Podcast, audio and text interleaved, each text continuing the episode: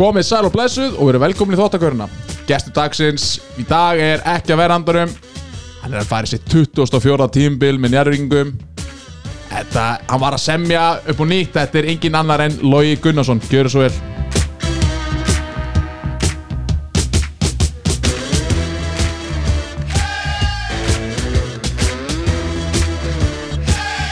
Jæja Logi, velkomin. Takk, takk. Gaman að sjá þig Já, gaman að koma, ég þetta er fyrst, mitt fyrsta svona podcast vídeo, Já, við- nei, viðtal. Við erum að svifta þér uh, seindónum Já, já, Hvað það var það? Já, Gaman að því? Já, þetta er bara heiður að fá því heimsó já, gaman að vera komin. Nú, uh, Þú sagðir að hann væri í uh, 24. tímabilið. Þú það er, það er bilun. Já, þetta er orðið langt, ég bila mitt fyrsta tímabil 1997 og hérna bara og, og náttúrulega ekki öll náttúrulega með Njarvík spilaði náttúrulega yfir áratug í Erlendis með Erlendu félögum og, og hérna í Bandaríkjunum líka eitthvað, eitthvað er á því. Já, ég, ég sagði það í kynningunni svona að leta óvart ljóm eins og hann hafi verið í Njarðvík í 24 ár Já, Já, en þau eru orðið mörg í Njarvík. Já, já, já, en þú veist 24 ár þú veist, ef að badni þetta væri 24 ára ennþá á heimilinu þá verður að henda því út sko.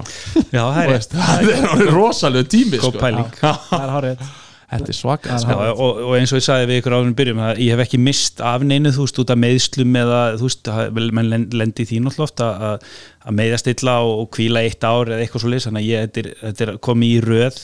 En það er ekki nei, skilju, þetta er bara æfingar og metnaður og hjá þér sem kaurubáttalegmaður ekki? Jú, jú, auðvitað, auðvitað hérna, ég byrjaði mjög snemma að, að tilenga mér ákveðna venjur og ég ætlaði mér náttúrulega að verða aðdurum aður bara því ég var pínu lítill og, og, hérna, og, og vissi svo sem að maður þyrfti að gera aðeins meira heldur en aðrir er maður ætlaði að fara langt og auðvitað ætlaði maður í NBA eins og allir og, og maður stemdi alltaf á það og hérna og þannig að ég æfði náttúrulega mjög vel snemma og bjóð mig til svona rútínu. Ég nefnið oft við unga krakk í dag ef ég er að halda fyrirlestar og svona að búa sér til ákveðnar venjur og rútínur strax því að ég er ennþá að gera það sama og ég var að gera þegar ég var 14 ára sko. Og var það eitthvað sem að þú lærðir eða eitthvað sem kendi þér það? það, það er, já, það er góð saga, það er verið marga góð svoður einn dag. Ef að byrja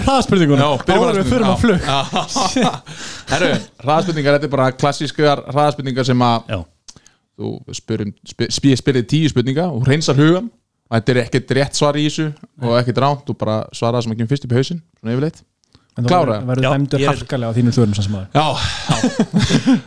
Herru, spurning 1 Hver er uppáhalds NBA-leikmaðurinn fyrir og síðar? það er Michael Jordan Hver er í síðasta kvöldmáltíðin? uh, Nautastek, Hvaða lið hefði orðið Íslandsmeistari í dómunastilt Karla? Njarvík Hver er morgun rútínan hjá Loga? Herðu, það er æfing snemma, annarkvort liftingar eða skotæfingar, meira liftingar núna þar sem ekki mi- hægt að skjóta, Uh, hvað fyrir mest í tögunar þær? tapa Keflæk er uh, ég, má, má ekki vera dónalög Nei, nei, nei, nei. nei, þeir eru, þeir eru hérna ekki fjöndur. Hvaða lið elskar mest að vinna? Keflavík, Já, með grunna uh, Með hvaða lið heldur í ennska? Manchester United. Nei, fyrsti. Fyrsti júnæðmaðurinn Já, ok, Vá, ok. grjótærður Já. uh, Næst spurning er erfið. Tilbúin.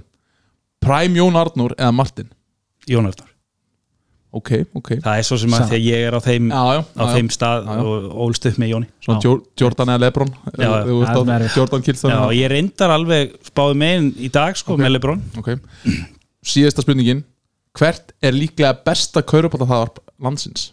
Þetta klálega, Já, það er- er svo leið þeir eru fyrsti sem spyrum að koma. Ég Já. veit hvað hinn er ég er aldrei eftir að fara í annars Já, Hvað, hvað já. Já, hvað eru hinir? Ég er sammálaðir með hérna Ok, ég er náttúrulega af Lebron og við erum af Lebron. Já. Kynnslóðin þannig, sko. Við, náðum, við vorum sent í Jordan sko. Ég man bara Já, ég 98 Jordan sko. Eins og Já. sem við erum að fara yfir núna sko. Einmitt, algjörlega. En maður veit alveg að hann er geitin Eða þú veist þannig séð. Já, já.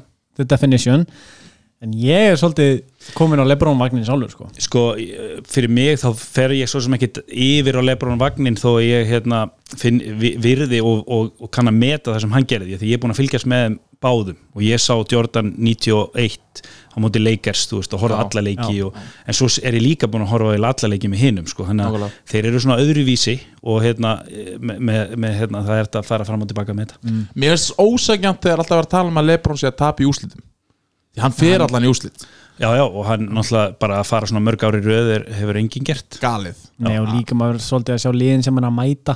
Já. Þannig er að mæta svolítið Hann er algjöru dænasti eins og í Warriors. Já, já. Rosalega erfitt að mæta en þú veist það er ekki og, hlaupið að því. já, já, og svo þegar maður er að sjá náttúrulega og fara tilbaka og sjá hvert Jordan var að mæta þetta voru náttúrulega svakalegar svakaleg lið líka sko Já, þannig að það er svo sem Akkurat. þú veist bara öðrum tíma, öðruvísi típur harðari, þeir börðu menn í spað eins og maður er að sjá hvað. Detroit gerði hann og, og, og ég sa- man þess eftir þessum leikjum sko. Já. en þá var þetta ekkit svo alvarlegt sko það sem þeir voru að gera við hann. Nei. en bara, þeir voru bara harðir. En í dag var þeir bara komin í marga vikna bann eftir já. hvernig þeir bruttu sko. Það er öðruvísi bolti. Hvað var kallað þá ásetningur eða tæknivill á þessum Já, árum það þyrfti bara að vera eh, bara kýlingar í andlit Já. og svoleið sko. Já, það er bara hörðu villa bara, veist, reglan að þú veist, ef þú ætlar að brjóta, brjóta það ekki leiður um að skora, ég man við ólst upp í það, bara lenda hann, ef þú ætlar að brjóta skiljur, og lenda niður, núna er það ábygglega ásetningar, Já, það er já. eitthvað svona ásetningur í, sko og það er svo sem var gert að ástæðu skilur. Mhm. við vildum ekki köruboltin vildi ekki að menn væri farin Nei, að meiða hvernig annan til að stoppa. ekki. Ekki. þetta er að verja já, sko. mikið, meira því í dag. Mér langar að byrja að þakka þér fyrir að koma. Já, ekki Eh, málið. Persónulegt ædol er þú fyrir mig er Ángríns, bara eins og góðvinur okkar begja Gunni Einars ég er búin að tala við hann mikið og hérna ég hef alltaf verið svolítið stressaður að hitta þig. Ég er alltaf þetta að hitta þig. Já þú varst gæinn sem ég horfið til sko. Ok, ég er gaman er 90 mótil og þegar við vorum að byrja svona, já 10, 11, Já. 12 það varst þegar þú varst líklega að koma fram Já. 2002 kannski, Já. 2001 eða svona 2001, 2000, svona já, eitthvað- aðal tímabili mitt já, akkurat já, það er mitt þú og Brenton og akkurat Já. og ég man að ég fór sko í lögutarsöllina við erum þórsarar báðir, þólusöld að ég fór í lögutarsöllina með mömmu það voru, í- ég man ekki hvað ára þetta var en þegar brentu það með þeir það voru í dökkgrænu búningunum. Þetta er 2002 á móti Káur líklega. Já, ég man bara, ég horfði ekkert á leikin ég horfði bara á þig, það hljóma rosalega svona svolítið svona Skrítið. homo og, og allt það en ég horfði bara á þig, bara, bara takk fyrir að koma. En, Ok, en líka sko út af því að að þarna fekk maður áhugan sko, þarna var maður svo lítill og ungur og, og þarna bara, maður soga allt í sig sko. Og það var akkur þetta njárvíkulið sem að var bara og við höfum ekki Þór Þólasum þá skilur við höfum ekki liðið okkar í efstild þannig að við fórum á Þórsarleiki og svo var að fara í bæinn á leiki í, í úrústildinu var bara eins og að fara sko, á ennska boltan sko. Já, bara að fara í bíó sem var líka stort fyrir okkur Já, já. við vorum alltaf í Þólasum sko. Einmitt. en, en þetta lið, að, að því þú nefnir þetta 2002 lið, það er bara því ég var að hugsa á leiðin hérna uh, sagt, hvað væri bestu liðin sem maður hefur verið í? Og þetta njárugulið 2002 klárlega mitt allara besta lið sem ég spilaði í. Og þú veist, maður heyrir umræðan um að vera að tala um ákveðin bestu lið í gegnum tíðina sko, KR 2009 og, og fleiri góð lið sko. ég held að þetta njárvíkulið sé ekkert, ekkert, ekkert frá og, og myndi alveg skáka þessum liðum sem talaðum í dag, þetta gleymist oft svona að því að við völdum yfir allt þetta árið sko, og unnum í manni KR hérna í byggarústum og unnum, unnum Keflavík 3-0 í loka úslutum og, og heldur við unnum fyrirtækjabyggarinn þegar við spilum einmitt á móti Keflavík unnið á með 40 stegum þannig að þetta var rosalega þetta, þessi, þessi hópur þetta árið var rosalur þá var Brenton að vera Íslendingur og við minnst að bættum og Pete Fæl og við eftir áramót. Þannig að við, urðum, við vorum rosalir svakar eitthvað sko. en mér langar að veist, refresh my Já. memory, ég ætla alltaf að spyrja.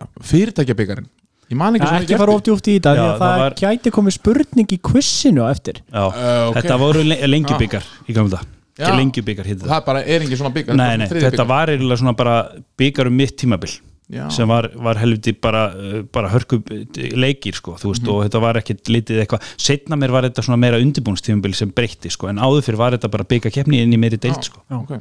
og þú nefnir já, náttúrulega kannski litaður en nefnir að, að Njarvík hefur Íslandsmyndari höfðu þið þessa trú á okkur? Já, ég, þú veist, auðvitað er maður og það er bara eðlert, þú veist, annars væri ég ekki í þessu ef ég, ef ég hefði ekki trú á að við varum nógu góður, en mér fannst, þú veist, við lendum í vesin í byrjun með, með hérna, að velja réttu útlendingana sem dæmi, voru með hérna eh, Sabas sem var pointgard sem henda okkur ekki alveg. Við fáum séðan náttúrulega Tjas inn eh, sem þið þekkir náttúrulega. Og leið og hann kom þá breytist allt. Og ég hef, er alveg á því að við höfum verið með Tjas og, og Árimas með Mario frá byrjun sko, þá hefðu við byrjað allt öðru í sig og hefum verið að, að mínum að klára þarna uppi með, með toppliðunum 1 eða 2 og, og mér fannst við spila þannig í síðustu 5-6 leikjónum að, að við vorum á rétturóli og, og vorum komið Erika Tenda til að vera í körfuna líka þó hann hefði ekkert verið að spila kannski eins og hann spilaði með okkur í fyrra mínútulega sér en þá hefðu pottit verið þarna uppi með bestu liðunum í úslutakefni alveg klárlega og ég fer ekkert af því. Nei, það er hárétt, Charles kom geggjaður inn í okkur. Hann er líka frábæð leikmaður sko. Hann er svo hárala góður og snöggur sko. Hann er miklu betur núna en hann var með þó sko. en það var svo erfitt fyrir hann sko, hann þurfti að, Já, að hann deila mínúton líka sko. já, já, já, þá það, já. Hann alltaf gerði það hjá okkur í byrjun en svo þegar hann var orðin einn já, þá var hann alltaf bara með 20 stíg og 8-9 stóðsend ykkur með einasta leik og var, eitthvað hann var valin varnamar ásins á Eurobasket sá ég. Þannig að þú veist hann var, hann er já, að mínum að þetta er besti varnamæði dildarinnar þú veist með hlín og ægi og svona köllum sko. og svona mikill karakter líka. Já, veist, mjög. æðislu mjög hérna opinn og ég væri, væri gaman að fá hann aftur hérna til okkar sko. sérðu, er þetta ekki búin að heyra varandi? Já, ég talaði bara við hann um daginn en, en auðvitað er þetta bara svona eitthvað sem þarf að býða með sérstaklega varandi Amerikana það er að það er að sjást, sjá hvernig, hvernig líðin e, púsla saman hva, hvað útlendingu tekur semst, kanaleg, kanaígildi að því það er alltaf einn. Þannig að ég myndi vilja sjá hann aftur, klart já, ég er pottet ef hann fyrir ekki í Njárvík þá verður pott bara stumman annars það sko, Já. því að hann hafi það góð áhrif á deildina sko, Já. og henda mjög vel sko Já, og gott sæning að Mario skildi framleika já alveg frábært er hann bara orðin Njárvíkingur eða? Já, hann, hann bara er vinnur í skólanum þú veist, sem stuðnisfutturuði frá 82 og þjálfar hjá mér sem sagt, ég er yfirþjálfari og ég er búin að hafa hann núna 2 ár þjálfari í, hjá, í drengjaflokk Já. og hann er bara komin inn í samfélagið og, og færin að babla eitthvað íslensku og, Aha, ok. já, já, og bara og topp náungi náttúrulega Virðist vera- algjört pró, þú veist, hann gerir allt eins og, eins og, eins og atvinnumenn gera og, hérna, frábær náungi og bara mjög, mjög mikið að ná í svona mann í, bara fyrir framtíðina sko. hvað er þetta gaman strákur? hann er ekki gaman hann er ekki bara, hann kom úr skóla 22 þá er hann, já, hann sé ekki 24 núna 24, 5, það er svo ungur líka hann er jafn aldrei Magic held ég. Já, 25, Vá. nákvæmlega, maður lítur alltaf á atvinnumennan sem fullorðna og eldri maður sjálfur sko. Já og við erum þrítur en við erum svolítið past that time sko. En hérna, eins og nefndum, þá eru komin já, aðverða 24 ár hér. já, Hvar hefst þetta? Hvar hefst Lógi Gunnarsson? já, ég hérna eins og við vorum að tala um þessar venjur hérna, sem ég uh, tamdi mér þegar ég var ungu drengur, það tengir svolítið því að hérna, tengir svolítið þeim sem kom inn að síða til ykkar, hann Benedikt Já. Benny, hann, hann hérna, þjálfaði alltaf í KR og hérna og ég í Njarvík náttúrulega og, og hann þjálfaði semst að móti mér oft e, mínum flokkum, þú veist, bæði þú veist, 8. 9. og upp í 10. bekk og hérna og þetta, eh, hérna við höfum verið, ég hef verið svona 14 ára gammal þegar hann kemur bara til mín og, og við þekkjum svona smábari gegnum, gegnum að hann var þjálfari á móti mér og, og hann kemur til mín og, og, í rauninni býður mig bara að koma á æfingar til sín, svona enga æfingar þú veist, og segir bara ég tel að þú hafi verið það sem þarf til þess að ná langt og, og upp frá því hefst bara okkar samband og, við erum mjög nánir í dag og, og hann í rauninni tók mig svona að sér í, þarna í kringum 14, 15 og upp í 16 ára aldur þá æfðu við bara öll sömur í Njarvíkunum þá hann er náttúrulega giftur Njarvíkingi og er í Njarvík fjölskyldu og hérna var þarna á ferðinni og, og, og við erum bara öllum stundum inn í sal að æfa bara, ég er að tala um eitthvað 2-3 tíma á dag allt sumarið sko. Sem að hann kemur þá til Sjá, þín? hann kemur til mín og bara femmur mig inn í hús og við bara drillum og drillum og þetta var mjög sjálfgeft og, og kannski ekki eðlilegt á þessum tíma því að það var ekki eftir íþróttúrsunum, þau voru oftast lokuð. Uh, þetta er þá, veist, 95 eitthvað svo leis, 94, 5 Já. þetta er, og við erum bara þarna að öllum stundum og, og, hérna, og þarna minn, að því ég tala um þessar venjur þarna held ég að hafi tamt mér ákveðis ákveðis svona work ethic sem ég er með í dag. Og ég er svo sem eh, bara þú veist mjög manískur varandi æfingar. Og það er, það er bæði gott og slæmt en, en ég, ég, hérna, ég æfi mjög mikið og, og það þessum tíma var, var maður bara, þú veist, ég man ég fór í bæjavinnuna held ég setna sumarið sem við vorum saman að æfa og þá var ég bara mætturinn í salklukkan 5.30, þú veist, 6 og, æft þangar til að klukkan var 8 og þá fór ég í bæjavinnuna og svo voru kannski liðsæfingar á, á kvöldin sem hann í rauninni sjáum líka því að hann kom og sáum nokkra æfingar á sumrin líka hjá Njarvík held ég annað árið, því hann var svo mikið í Njarvíkunum, hann flutti í Njarvík var þarna, ég held mér að hann var að vinna sem, sem hérna, hann var hérna, flokkstjóri í bæjavinnu eitthvað svo lis, vann hjá bænum allana yfir sumarið, hann, hann var komin í Njarvík og við bara nýttum okkur það og ég var þarna bara öllum stundum og við tveir og æfðum aðum og, og við fórum síðan saman, þú veist, á kamp í bandaríkjónum tvö ári í röðin í Já, já. Jersey, þar sem hann nefndi við ykkur. Já, þar sem ég, hérna, ég fór fyrst ég og Jón fórum saman og hann var að vinna með Jóni og Helga Má á þessum tíma líka svona eitthvað sko og var líka að æfa með þeim þá inn í Vesturbæ.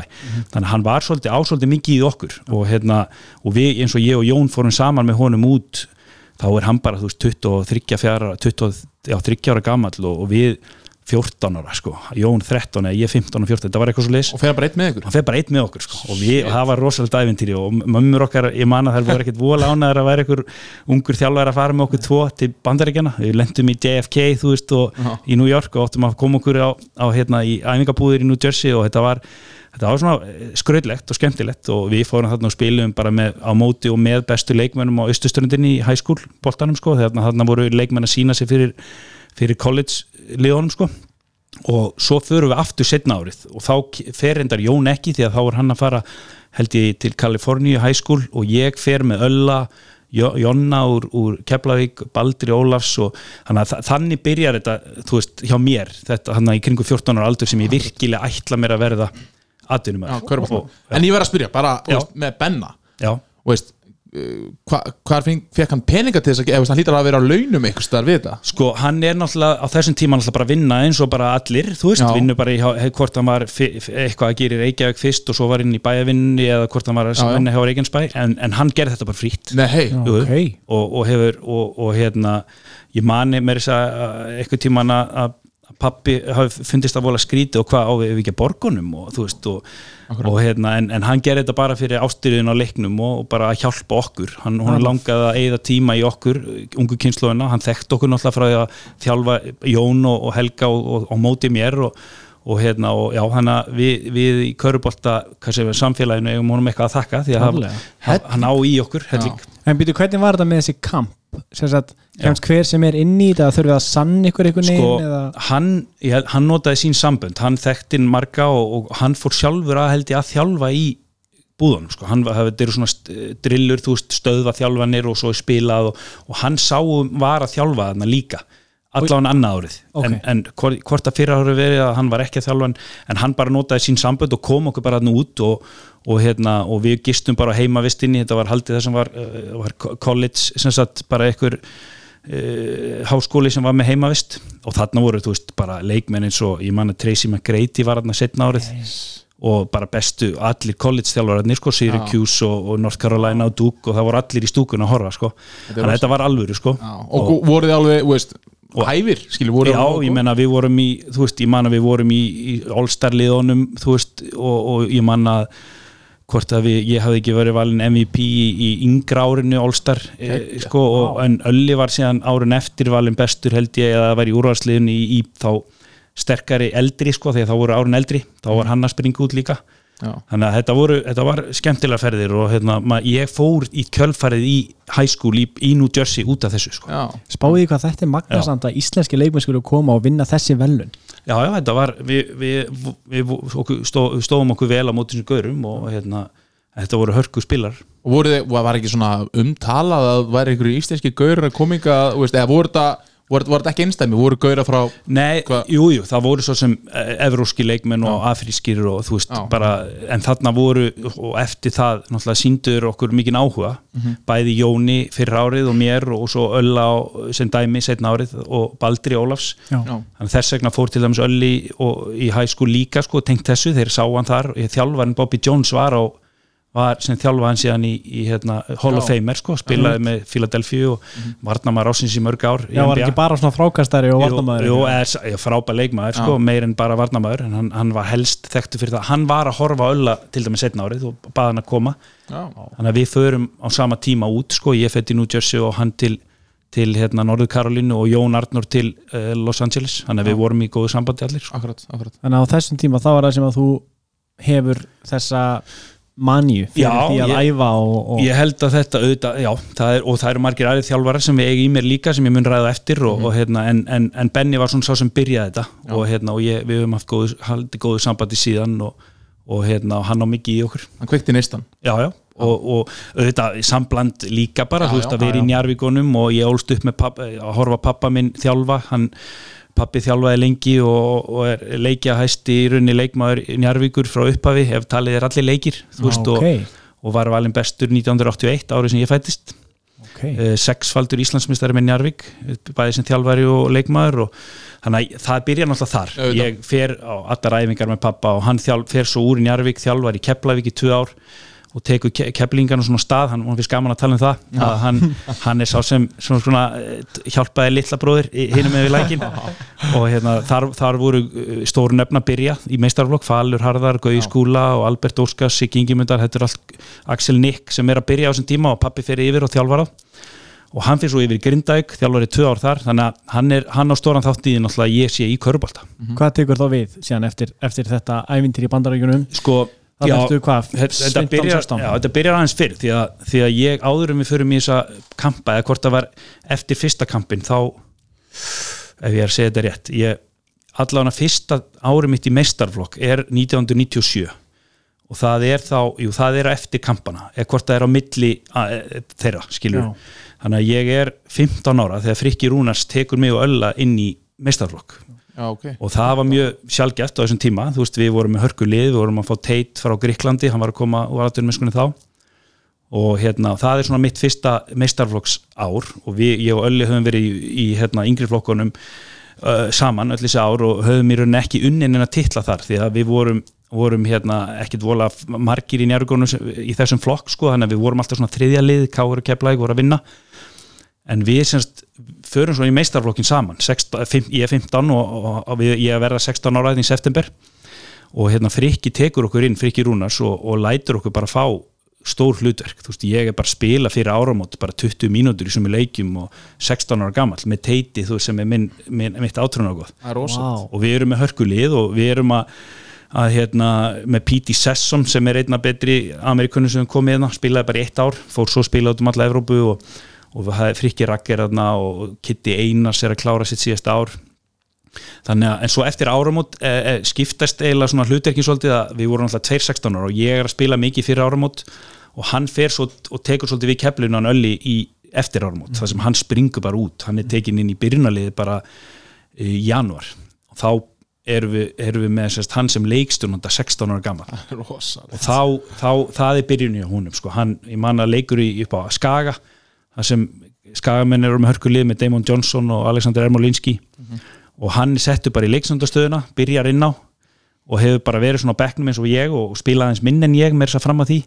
Og eftir það er hann bara okkar leiðtói, 16 ára gammal, stjórnar köllum eins og frikka og teit og, og, hérna, og við förum og við vinnum við vinnum titilin sko. við endum í fjórðasæti og förum í úrstætta, ég man að við áttum rosalega rimma á móti Keflavík, unnum þá í ottaleiki í Njarvík fyrir tróðfullu húsi náttúrulega og keflingarnir voru hærra, með, voru held ég eða hvort að við höfum verið með heimaleikir eftir, ég man það ekki. En við förum svo í Vesturbæin og vinnum káringana 3-0 í lokaserju og það er minn fyrsti titill og hérna og það er svona eftirminn, einn af þeim eftirminnlegast myndi ég segja, því að þetta, við gerum þetta saman ég og besti vinnu minn og við vorum 16 ára.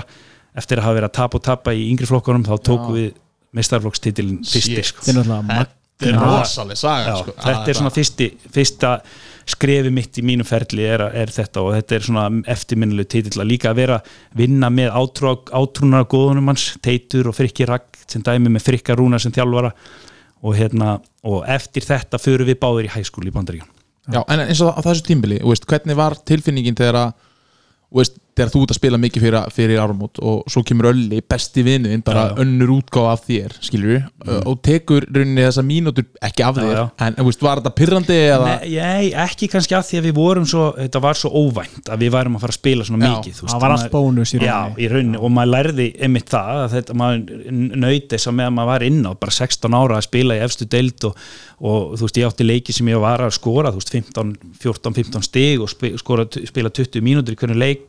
stig og spi- skora, spila 20 mínútur í hvernig leik á tímabili en svo náttúrulega voru bara þú veist e, e, það margir í góðir í leikmenni liðinu að minn tími minkaði eftir áramót en, og hann tók bara við og, og, og kláraði þetta og ég var svo sem alveg með en ekki eins mikið og, og, og fyrir áramót Akkurat.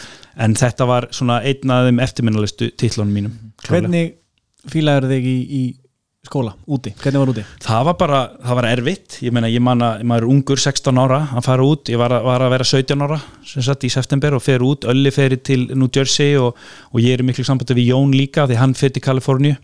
Og við tölum saman bara hverju kvöldi þú veist Bara í ég- síma? já, í síma, ég man að og það var skrýtni tímar, netið var eiginlega ekki komið þarna sko, það maður var ekki mikið að senda e-mail og hérna, og, og hérna ég man að við vorum að tala saman sko, horfa körubólt á kvöldin og, og við vorum búin að finna eitthvað díl sko á, á netinu að þú gast hringt frítt í 20 mínútur í bandaríkjónum sko og svo byrjar að, að borga eftir 20 mínútunar Já, þannig að við tö- vorum alltaf með skeikklukku sko, eða klukku og svo þegar við komum að tala 19 mínútur þá skellti ég á og hann hringdi tilbaka og svona sátu við veist, heilu kvöldin og bara vikurnar að horfa á körfubólta kannski saman í símanum sko. já, og að horfa þætti eða eitthvað já. bara eins og hann væri í herbygginu með mér Hvert fóst þú? ég fór hérna til New Jersey bara hinum megin við Hudson á í Rutherford Já, sem, er, hann, sem er hann er fyrir. North Carolina hann og, og ég er sem sagt, hann fyrir sama skóla og Curry bræðurnir eh, eru sem spiluð í Charlotte Christian hitt skólin þannig að Stefan Curry kemur á eftir honum og það er gaman að segja frá því að, að, að hérna, Curry á fullt að metum hann og,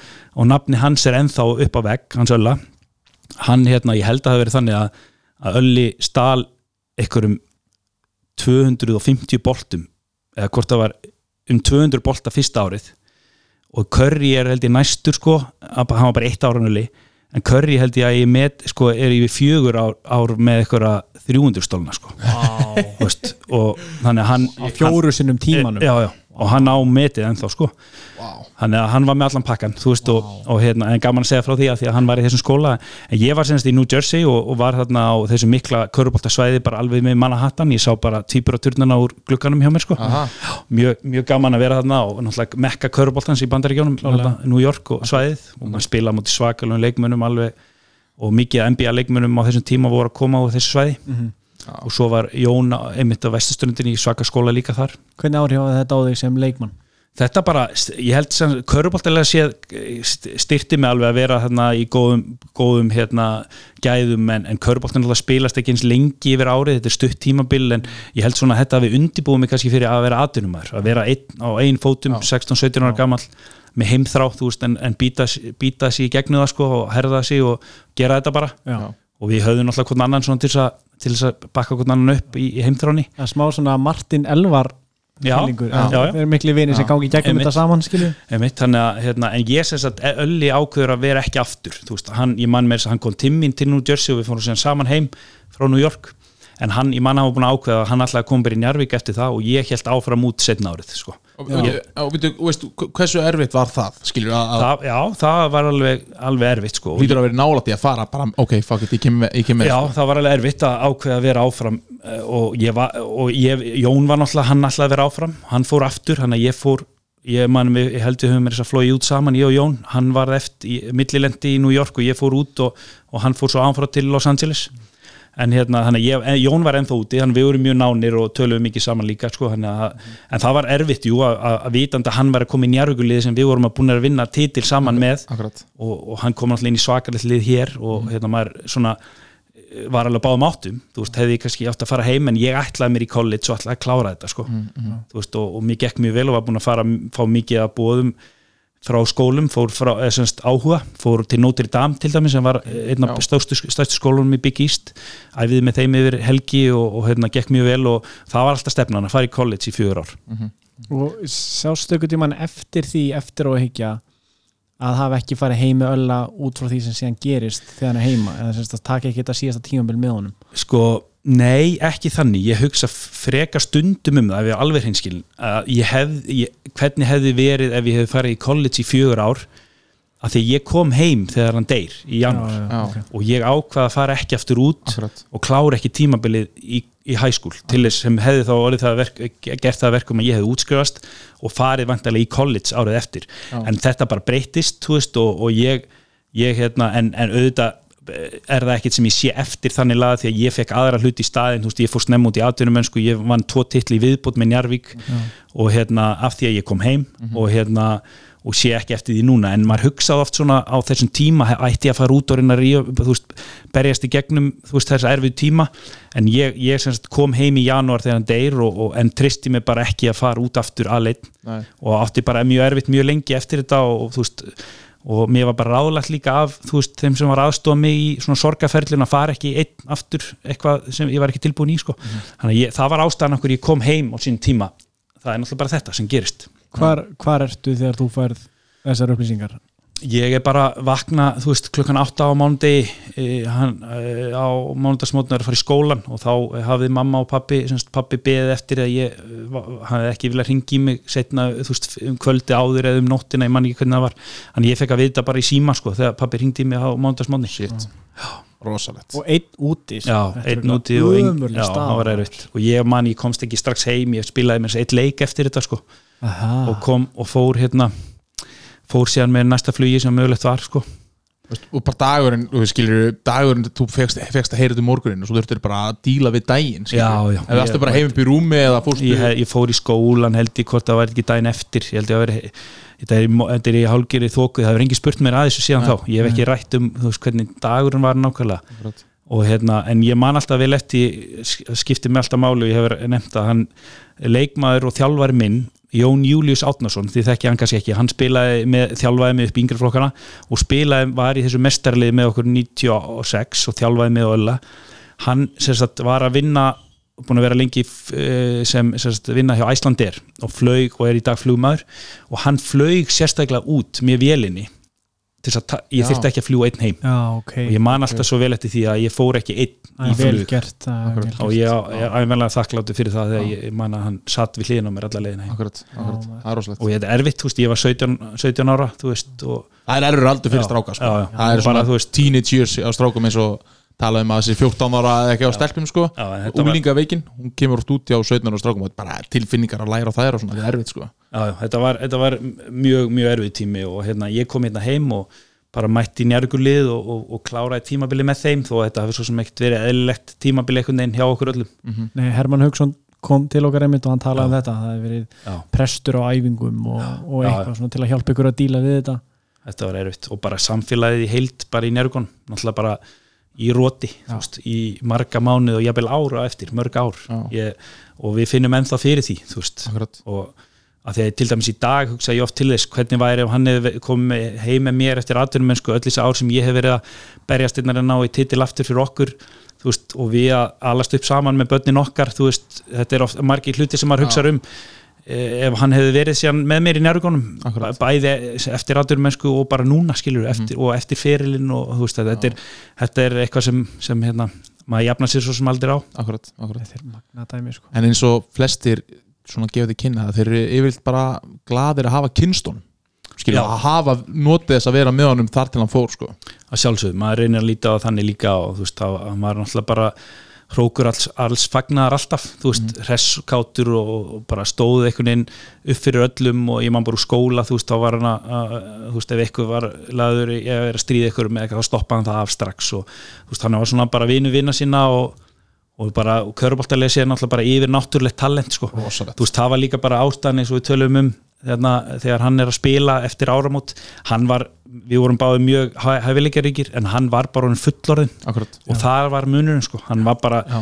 jafn sterkur og, og sterkustu leikmenn liðsins sko, 16 ára Já. þú veist, og fljótur og hann var með allan pakkan þannig að það er svona það er eitthvað sem maður, ég hef ekkert séð síðan þá Nei, bara, og, og sjá þess að þetta myndefni sem maður sér á hann, Já. bara í myndinni til dæmis Já.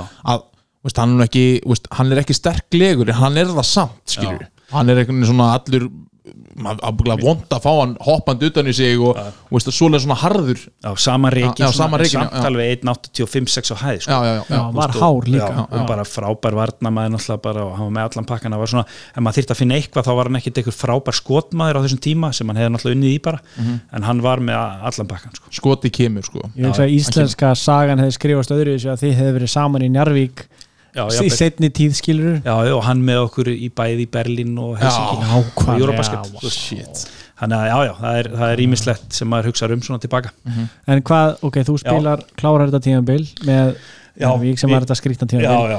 Og svo kemur sömarið og svo kemur annað tímabil. Hvernig er það tímabil fyrir þig? það er svona, þá springir svona út myndi ég segja, það er byrjar svona alvöru ferilli minn, þú veist, þá er ég í nærgurlið sem er með uh, við erum með frábært lið, við erum með Brenton Birmingham kemur sem, sem uh, Amerikani frá hann er þá nýbúin að vera í Grindavík. Hvað ára er þetta að þetta segja? er 2000, 2001 já, akkurat, akkurat. Og hérna við, sérsagt, ég er með alltaf frábæra leikmenn í kringum mig, þú veist, eh, hérna, eh, Palla Kristins, Frikka Stef eh, eh, Frikka Ragg. Nei, Palli Kristins er reyndar Já. ekki þannig í Njárvík, Frikki Ragg Teitur uh, við vorum með Dana Jes Hansen heitir, heitir. Má, má ég spyrja þig, maður grípa þess inn í? Þú, hef, þú kemur heim út af örleik já. en þú hefðir átt í raun að klára fjögur árið það júti ef allt hefði verið eðlilegt. Ég hefði svo sem verið að klára se- ég hefði klárað sex. En þú hefði verið úti 9-11 í New York. Já, já, ég er heima 2001 þegar- nýfarinn frá New York í rauninni sko. Og hérna, allt í hennu hitti mig wow, þú hefði verið þarna sko. Já, og hérna ég þekkti náttúrulega fólk sem var þarna að vinna fólki sem ég bjó hjá, bjó, til dæmis vann inn á Manhattan og hérna ég var, þetta var náttúrulega mikið sjokk á þessum tíma og hérna, og svolítið nálagt mér að því ég hafði búið þarna náttúrulega næst í tvö ár.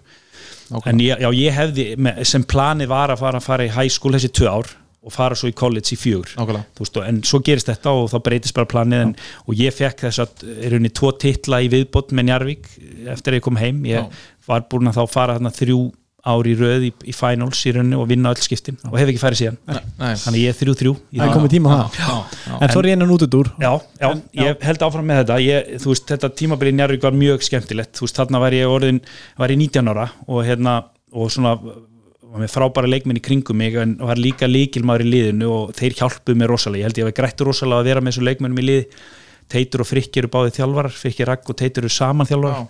Og þeir hafa svona þeir náða að beisla mig líka vikið sem veist, ég var mikil skorari og, og, og, og vildi mikið veist, og mikið velgengi með fljótt hjá mér. Veist, ég var strax orðin stegast í leikmaður dildarinnar 19 ára, veist, og yfir 20 steg á leik og, og þannig að ég, ég veit alveg að svona getur stigið mönnum til höfus, og en ég held að þeir, ég hafi, ég get, ég hafi þeim að þakka frikka á teit til dæmis, að frikka rakk á teit að halda aftur af mér og kenna mér að vera, vera taka því að- að velgengninni og, og við förum svo í úslit þarna eh, á móti tindastól, vinnum þá 3-1 Já, þannig að þú tekur tróðsluna frá Já. þarna á góða tróslu Já. með, strípunar í hárunni. geggjuð geggjaða strípur ég, hlæ, ég, ger, ég er alltaf gerir grín sko þegar ég fýblast í ungur strákum sem er að tala um að, að þessu hinn séu með í laun sko. Að þessum tíma var, var strípunar inni sko og, og launin mín í Njarvík var að fá strípur eins og oft og ég vildi um klippingu já. Þú nýtti þér það svo mér það, ég fór ykkur einasta mánuði. Þannig að ég, ég, og, og á þessum tíma eins og ég sagði var ég orðin líkin maður og þú veist spilaði vel og var með 20 steg á leik 19 ára gamall og, og þá svona hnippi í þá eða þeir eru eitthvað að djóka að þeir vilja fá meiri laun eða þú veist ef menn er að tala um laun, já ég var allan bara ég var á þessum tíma þú veist var alveg leikmaður ásins og ég var með strýpur í laun. Þannig að ekki þú vera að væla. Býtu, býtu, va- varst þú leikmaður á sér sjónja Ég- ég- yfir Brenton? Nei, ég var, já, ég var sem sagt leikmaður sem sagt, eh, ég var valinn körbknarsleikmaður ásins þá yfir alla íslenska leikmenn bæði atvinnumenn og, Nau, og það vá. er raun eina skiptið og, og kannski svona skemmtilegasti einstaklingsvelun sem, sem ég hef fengið sem leikmaður að vera 19 ára sem sagt körbóltamaður ásins af öllum atvinnumönnum og landslýsmönnum Vá. á Íslandi veist og það var svona stendur svolítið uppur sem ef maður talar um einstaklingsvelun Varstu hver á valinn íþróttamæður ásins staðar? Uh, nei, ég held að það hafi verið ábygglega jafnvel, hann Örn, hérna Sundmann Fóst á serimóniðina? Já, já, já, já. Og, og hérna og tók við mínum velunum og, og það var svona sérstakt og nýbúin að vera meistarinn alltaf með Njarvík og, og var á þeim tíma valin mæli leikmaður úrslutakefna líka og þú veist, þetta var svolítið mikið í einu fyrir ungan strák, þú veist, 19 ára að fá allt svona í, þú veist, og, og eins og ég sagði áðan ég hafði góða menn til þess að, já, hjálpa mér að Sem tengd ábygglega við þig sko. Já, Teitur til dæmis tengd ábygglega við þig að vera hæfileikaríkur en þurfa að bestla það og, og nýtti sína og, og kunna það, náttúrulega bara að höndla það þú veist og, og hérna og já, ég átti frábæra leiki náttúrulega með frábæra leik, leikmenn í kringum mig þú veist, með Brenton sem var að, að mata okkur þú veist, ég man ég átti, var með 32 stig í fyrsta leiknum fyrir norðan þú veist, og svo var með, nei 36 fyrir ekki Já, 19 ára? Já, og svo 32 í setni leiknum. En þetta var ekkit, ég gerði ekkit allt eitt þú veist, við vorum bara með geggja lið. Brento var með fjórfalda tvennu í veist, ég var með 32, hann var með 25 10, 11 og 12 skilur, í stólnum boltum.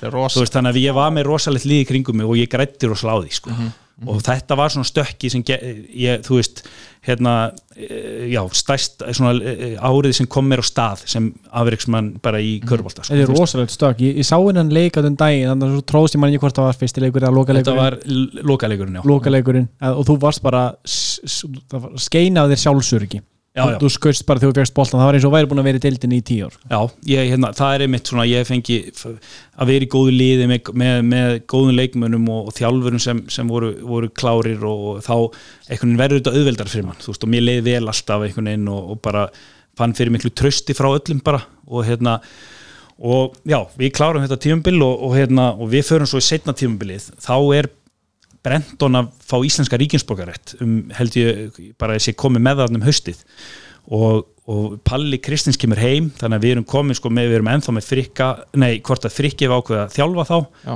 Teitur er ennþá Brenton, ég, Frikki Stef Palli, Kristins lið. já, þetta, er, þetta er liðið sem ég nefndi áðan sem ég tel að eitt, eitt af bestu liðum sögunar í Íslensku körbálta og myndi skáka öllum Já. þessum liðum sem talaðir í dag eins og Káur liðinu 2009 og Grindavík 2009 Já. því að við vorum við, og, því að við bætum sérstaklega við vinnum Káur til dæmis í byggarúslutum þegar Brenton er ennþá Íslandíkur þá eru þeir, þú veist, með, með Jón Arnór og, og, og Keith Wassel og Óla Orms og Jonathan Bow og þeir eru með hörkulið. Og við komum svona bakdýra megin þeir fara yfir okkur í byrjun man, þeir taka rosa fórust í byrjun en við komum tilbaka og vinnum í, í setna hálfleik. Og, og hérna erum þá líka búin að vinna keflingana þarna í lengjubeikarnum með 40 stigum í úrslutaleik og bætum svo við okkur Pete Philo eftir áramót og þá, já eins og segi besta lið sem ég spilaði í félagslið. Sérst, svona, auðvitað spilaði í mörgu góðum liðum erlendis en svona við talum íslensku lið, njörgu liðin sem ég spilaði. Eftir það tímbil þá þú fær tækifærið eftir það tímbil ekki? Ég, sérst, ég náttúrulega fæ þetta tækifæri eftir að meina með já, jú. Ég, eftir þessi tvö ár þessar tvo titlaði röð þá fer ég í, til Og- Úlm Jú, ég fer til Úlm sem er eitt af bara svona sögufræðustu þýsku liðunum og eru búin að vinna Evrópumeistaratitla í, í, í hérna, náðu fyrr og, og hérna, eru, eru núna eitt af bestu liðunum í, úrastildinni og, og ég, sagt, Jón Arnór fer líka á sama tíma, hann fer til, til Tríer og ég fer til Úlm Tríer, er það líka í Þísklandi? Já. Já. og við, sagt, við byrjum okkar aðdurum hann að fyrir saman sko. Veist, og hann í, báðir í Þýskalandi. Ok, aftur, aftur svona saman. Já, já, og eru mikið í sambandi þú veist, ég keiri yfir til hans þú veist, og, til, ski- þú veist, og erum að hittast og bara við höldum góðu, góðu sambandi.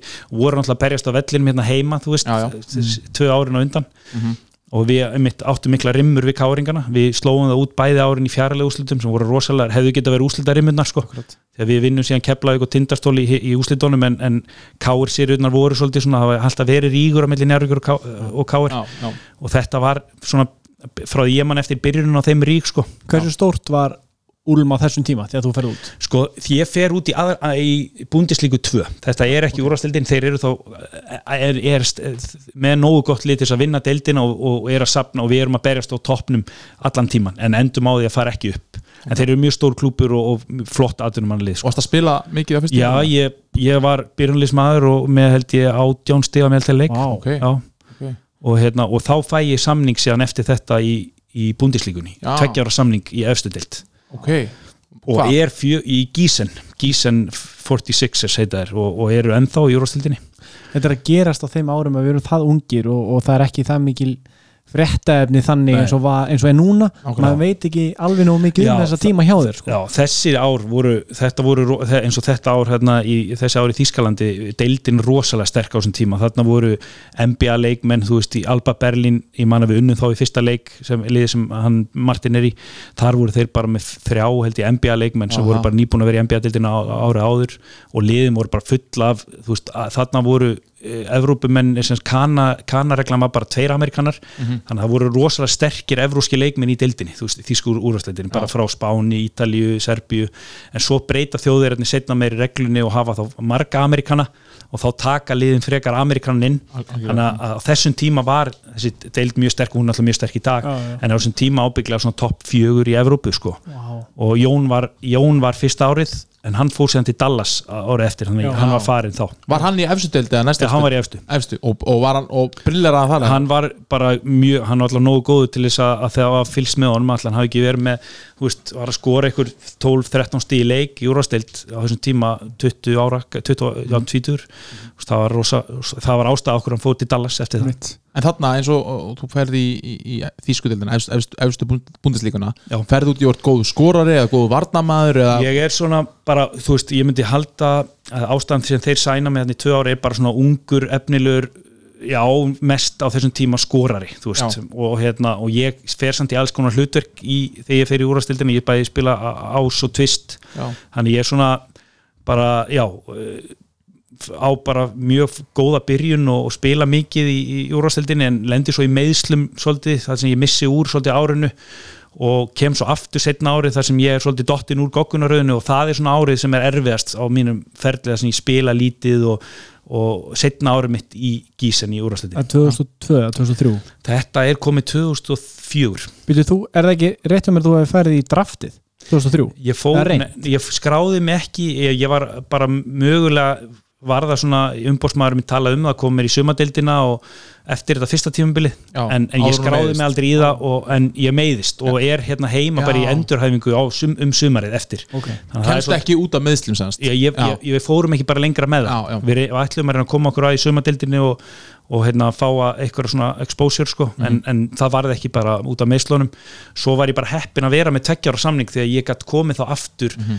Eftir að hafa verið í meðslunum og, og farið inn í á- ár nummer tvö sérst, í, í þessu liði en ár þrjú í raunin sem atvinnumar að þurfi ekki að fara að leita meira nýju liði Akkurat, eftir að vera meittur en svo er ég áfram í Þískalandi alveg ári viðbót og spila semst, í fjögur ári heild í Þískalandi Í, í sama liði? Í- Nei, ég fer í annar lið. Já, í, Bayreuth heiti það lið og klá, spila á gott ár þar og, og hérna og, og er svona í meira svona líki hlutverki þar heldur en í hinu liðinu af því að þar var ég setti svolítið bara bekkin sko því að þar kom nýr þjálfari og ég kom meittur út sko í Já, endurhæfingu og bara eins og margir atvinnum en lendi í þú veist það er bara, þú ert bara aftar í goggunarraun og þú eru bara að æfa meira en hinnir og ég notaði þetta tímabil meira sem svona æfingarna mínar voru bara leikirnir. Ég mann ég fekk ekkert að spila, suma leiki fekk ég tvær, þrjá mínútur aðra leiki, leiki ekkert kannski fjóra, fimm leiki rauðspila ekki mínútu. Hvaða meðsli voru þetta? þetta voru axlameisli, ég fór úr axlalið nokkur oft og, og endan þurfti bara að laga þetta. Fór í aðgerð hérna heima. Og hérna, en ég nota þetta þessa sögustundu við, við stráka sem er að kvartundar spilatíma eða lendi í þeim aðstöðum, þú veist, þú ræður engu. Það er ekkert sem þú getur gert nema bara að æfa meira. Þú veist, það, þú ert ekki að fara að segja honum herðu, má ég spila meira? Þú veist, af hverju þess að spila minn en ég? Þú veist, það er ekkit þitt hlutverk að vera að spá í því með Nákvæmlega. þú átt bara sína honum það og ég nota þe- þessar þegar ég æfði, þá voru það bara mínir leikir og því ég vissi að ég þurfti að vera betri fyrir næsta tímabil, af því ég ætla að spila áfram þannig að ég, þó ég var ekkert að spila í leikjónum þá voru æfingarna mínar leikirnir sko. þannig að ég svona bætti mig helling á þessum tíma punktur sko. Hvernig var síðast árið þitt?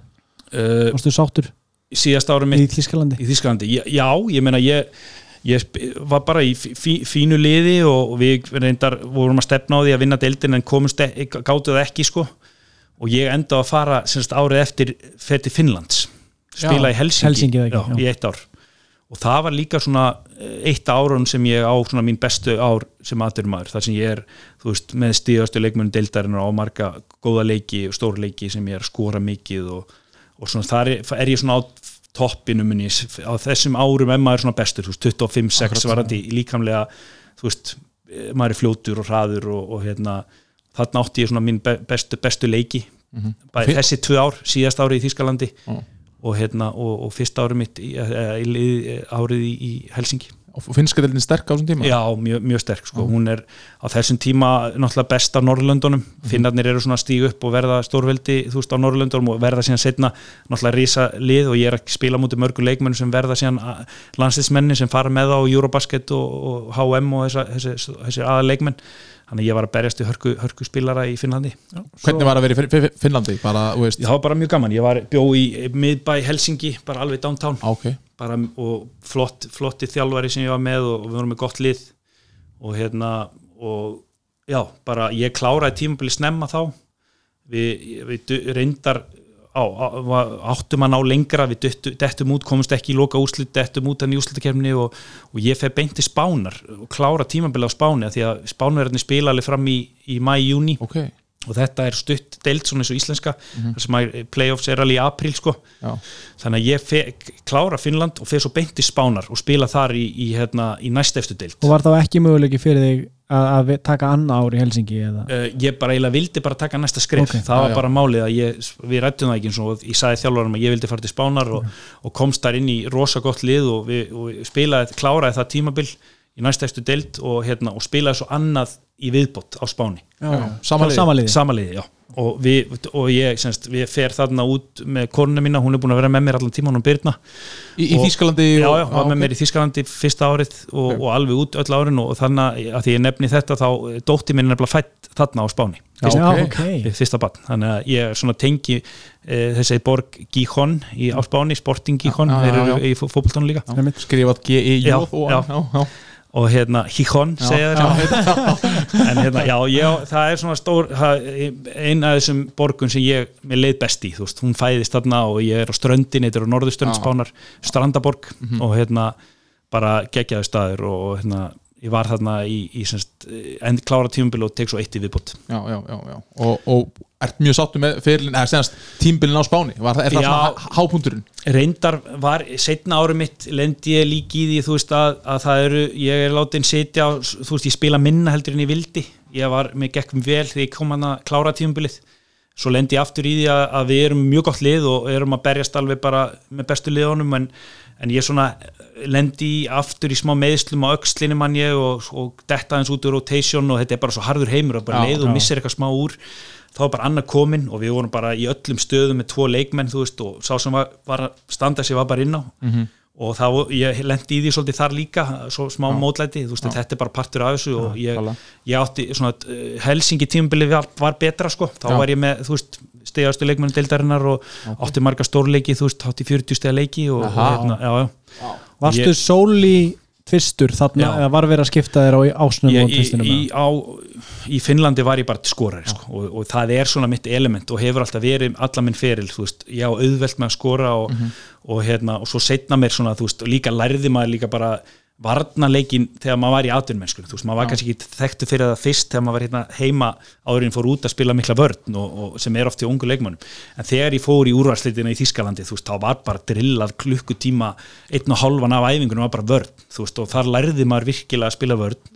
Og, og ég vil, þú veist telja mig í dag vera mjög góðan varnamenn út af því, sko, af því ég lærði bara hvernig átt að gera, því ef þú spilar ekki vörn þá varst ekki Já, þú verður bara að druttast til að spila vörð sko. og, og þetta voru góði leikmenn í öllum stöðum, þú veist, atvinnum menn til margar ára sem hafa verið að keppa við og þeir litu bara lítið illa út ef þú spilar ekki vörð sko. Já. maður sér líka á leikmönnum í dildin í dag að bestu varnamenn dildarinnar eru þeir sem voru, voru atvinnumenn og þeir voru ekki endilega fræg, frægasti fyrir að vera góðu varnamenn það Ægir, Elvar Jón, Jón. Jón og veist, allir þessi gæjar eru Koppi, klálega Hörður Axel Já, það Já. þú náttúrulega spilar ekkit ef þú spilar ekki vörn Akkurat. Það er bara þannig, og, og, og ef þú spilar vörn þá ert, er, hefur þjálfarinn alltaf not fyrir þig. þó Akkurat. að þú klikkir ykkur skot rétt hann getur alltaf haft það inn á sko. þannig að það er svona líka eitt af þeim sem ég lærði þú veist, á þessum árum bara þú veist, þó að maður lendi oft í einhverjum dífum með, með þetta að spila ekki og svona, en þá vissi maður að maður, veist, maður, maður var að læra helling, þú veist, og læra að spila vörð, hvernig þú, hvernig þú reyfið þig áttar þið á því þá já, Já. já, ég fattaði það einmitt þá, þú veist, að, að ef ég spila ekki vörð þá held ég bara áfram að sitja, sko akkurat, akkurat. veist, og, og, hérna, og, og hef bara, já, og eftir það svona tilenga mér að, að, þú veist, að það sé nummer 1, 2 og 3 á undarsókninni, sko. og svo skemmt er þetta að spila vörð sko. já, það er einmitt það sem að er oft ekki, það er oft svona þegar maður er elst upp sem krakki þá er oft leiðir að spila vörð já. Og mann finnst langa bara að skora og vera í sókn og, það er bara eðlilegt að krakka vilja bara skjóta boltanum hún í köruna sko. það er ekkert en að sjá kauruboltamann sem að elskar að spila vörð sko. það er geggja sko. elskar að stoppa á bara nýtu þess að, að, að sko kæfa sóknarmann Þetta er svolítið í breytingu held ég bara á mindseti því að að vörn snýst ekki um annað en það heldur, þú ert bara að banna hinn um gæjanum að skora. Já. það er flott, Já, já. það er cool challenge finnst mér líka, ég vildi að maður hefði séð það þegar maður var yngri. Algjörlega, maður hefur séð það sko að ég, ég er það góð varnamæður að þú getur ekki skora já, sko. akkurat sko, sjá já. rómansinn í, í því sko. En var spát, það var síðasta Eh, Nei, ég nefnilega spilaði bara hellingi viðbót sko. ég fór til Fraklands já, alveg rétt, fyrir ekki, ég vissi það. Spilaði Fyrirgefðu. í Fraklandi eitt ár og fór svo til Svíþjóðar í tvö ár. Auðvitað. Já, ég vissi það líka, ár. ég vissi það líka. Jesús, og svo kláraði ég sem sagt árið síðasta árið mitt er í Fraklandi og ég aftur til Fraklands Já, ég ég spilaði tvö ár í Fraklandi og tvö í Svíþjóð. En ég kom heim 2009 árið á milli þegar kreppan kom. Það er í rauninni árið eftir að dóttur mér fæðist 2008 þá bara ákveðu við að við viljum koma bara heim í eitt ár ný, með okkar fyrsta barn. Og hérna og, og, og kem, komum heim inn í Njarvík og, og það er náttúrulega ákveðið árferði þá út af kreppunni og, og þannig að það var bara holdt fyrir mig að koma heim. Þú veist, það, voru, það var líka krepp í Evrópu og peningarnir minni í, í körunni og þannig að við ákveðum bara að koma heim og vorum hérna heilt ár og, og fór, svo fór ég bara aftur út og fór til Fraklands og lang, alltaf, ætlar alltaf Já, já. aftur út já. alltaf, alltaf aftur út og, og þeir fóru allir út Jón og Koppi líka strax og hérna við komum einmitt á sama tíma heim. Já, já. þegar þú lítið baka yfir atunumannarferilin þú veist, ertu ánaður ertu sáttur með þar ákvarðanir sem þú tókst og Já, já, ég er mjög ánæður einmitt að hafa spilað á þessu leveli eins og þannig úrvarsleitin í Þískalandi og, og hérna, en en maður er bara svo mikið keppnismæður ég hefði viljað, þú veist, ég stemdi alltaf að fara í NBA, ég stemdi á að spila í Euroleague, skilur, og, og ég á tímabili þegar ég var upp á mitt besta þá taldi ég mig nógu góðan, annars það er líka eitthvað sem kom mér áfram að ég tal, taldi mig það góðan ég gæti verið á þessum stöðum en svo bara er rauð atvika þannig að þú ferði kannski öðru í sér deild og, og þar dettur kannski út úr kurfunni, kannski eftir meðsli mín þú veist, þá, það er ímislegt sem getur haft áhrif á það, en ég hefði vilja spila þú veist, í Európa-keppni og allt þetta en ég gerði það ekki og, og, og það er líka bara, maður áaldri að vera sáttur við það sem maður er með, maður Já. En, eins og, bara síðustu áran í Fraklandi og, og, og, og Svíþjóð svona, var þetta ennþá gaman eða var þetta orðið þá vinnaðinn Já, nei, þetta var svo sem allan tíman bara vinna minn og gaman Já, já. þetta var, er alveg erfitt þú veist, þú ert náttúrulega að æfa alla daga og, og, en þú veist, þrísar á dagstundum þú veist, og, en svo er þetta náttúrulega rosalega forréttindi, þú veist, að, Mhm. Og það er það sem ég tek mest út úr þessu, þú veist, ég sonu minn er fættur síðan þegar ég fer til Fraklands og hann, semst, hún reynda, hann fæðist hér heima og, og kemur svo út með okkur og, og þau fara bæði síðan í sænskan skóla dóttir minn og strákur minn. Og, og þessi tími einhvern veginn er bara svo mikið fyrir mig að hafa, geta verið bara meðan vini mínir eru heima veist, á Íslandi að vinna frá 85 og sjá börni sín bara í nokkru klukktíma á dag þá er ég bara með þeim allan dag Einmitt. og þetta geta atvinnumenn eh, er ábygglega sammála með, með þetta bæði handbólt og fótboltamenn og, og körbóltamenn að við fáum svo mikinn tíma þú veist, við æfum á mótnana kl. 10 þú veist, ég fór með börni mín í, í, kannski í leikskólan svo fór ég bara æfingu heim, svo er maður bara heima allan daginn og þau voru ekki byrjuð í leikskóla var maður með þeim. Og svo að kvöldæfing, þú veist, svo koma bara snemma heim þú veist, 6-7, þú veist, og allt, kvöldi eftir. Þannig að þetta er, það er líka eiginlega svona mest sem ég sé, sé sem sagt, eh, hvað sem maður virði við að hafa verið atvinnum maður er þessi tími. Þetta er geggjað. En eins, og, en eins og ég var að spyrja en, en sko þú hlýtur á, sorry. En þú hlýtur á að landa góðum samningum hér og þar eins og Raggi talaði um að þetta væri djús hark og þú hefur ekki efni bara á því að fara út að borða þegar þú kemur til Ísland svona. Varst þú alveg að ná, þú veist, ég er ekki að byggja með Já. eitthvað tölur Já, en já. alveg gó- fínum samningum. Já, já, ég hefði aldrei verið svona lengi líka ef ég hefði ekki verið á góðum samningum þú veist, og ég byrjaði fyrsta árið náttúrulega erfitt alltaf og bara komið sér út, en svo eftir það var ég, hafði það mjög gott og þú veist, bara gerði góða díla og hérna og þetta var náttúrulega áður mest mikið á þessum árum var fyrir kreppuna þegar köruboltin var mjög, var mjög vel borgað í Evrópu á þessum tíma og hérna ég var bara heppi með það.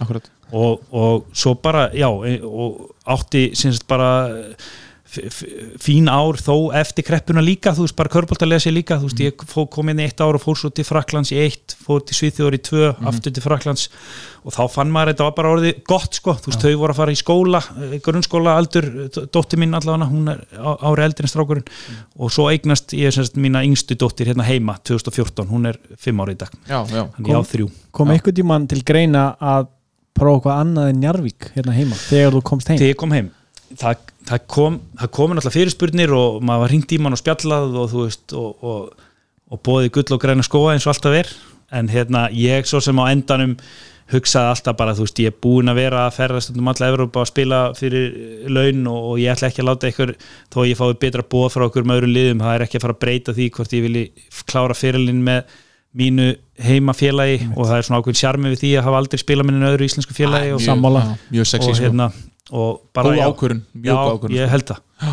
og hérna, þannig að ég líka bara það er ákveðin gæði líka bara að geta að spila fyrir fyrir heima fólkið þitt, þú veist. Ég bara nýt þessi botnið þó í dag að fara þú veist, spila fyrir framann alla njarvíkinga þú veist, sem ég horf upp í stúku og þekki alla skilur ég, þetta eru skólabræður, skólasystur, kennarar og, og þú veist, þjálfarar og þú veist, fjölskyldumeðlimir, þú veist, þetta er svo, þetta er svo mikið meira heldur en bara að fara á mæ, eins og ég var aðdunum maður fór bara í vinnuna, þetta er mikið meira þegar maður er komin að að spila fyrir heimafélagi sitt. Þá þurft, það, það hefði aldrei geta en engin neitt náð mér í burtu held ég. Nei, nei.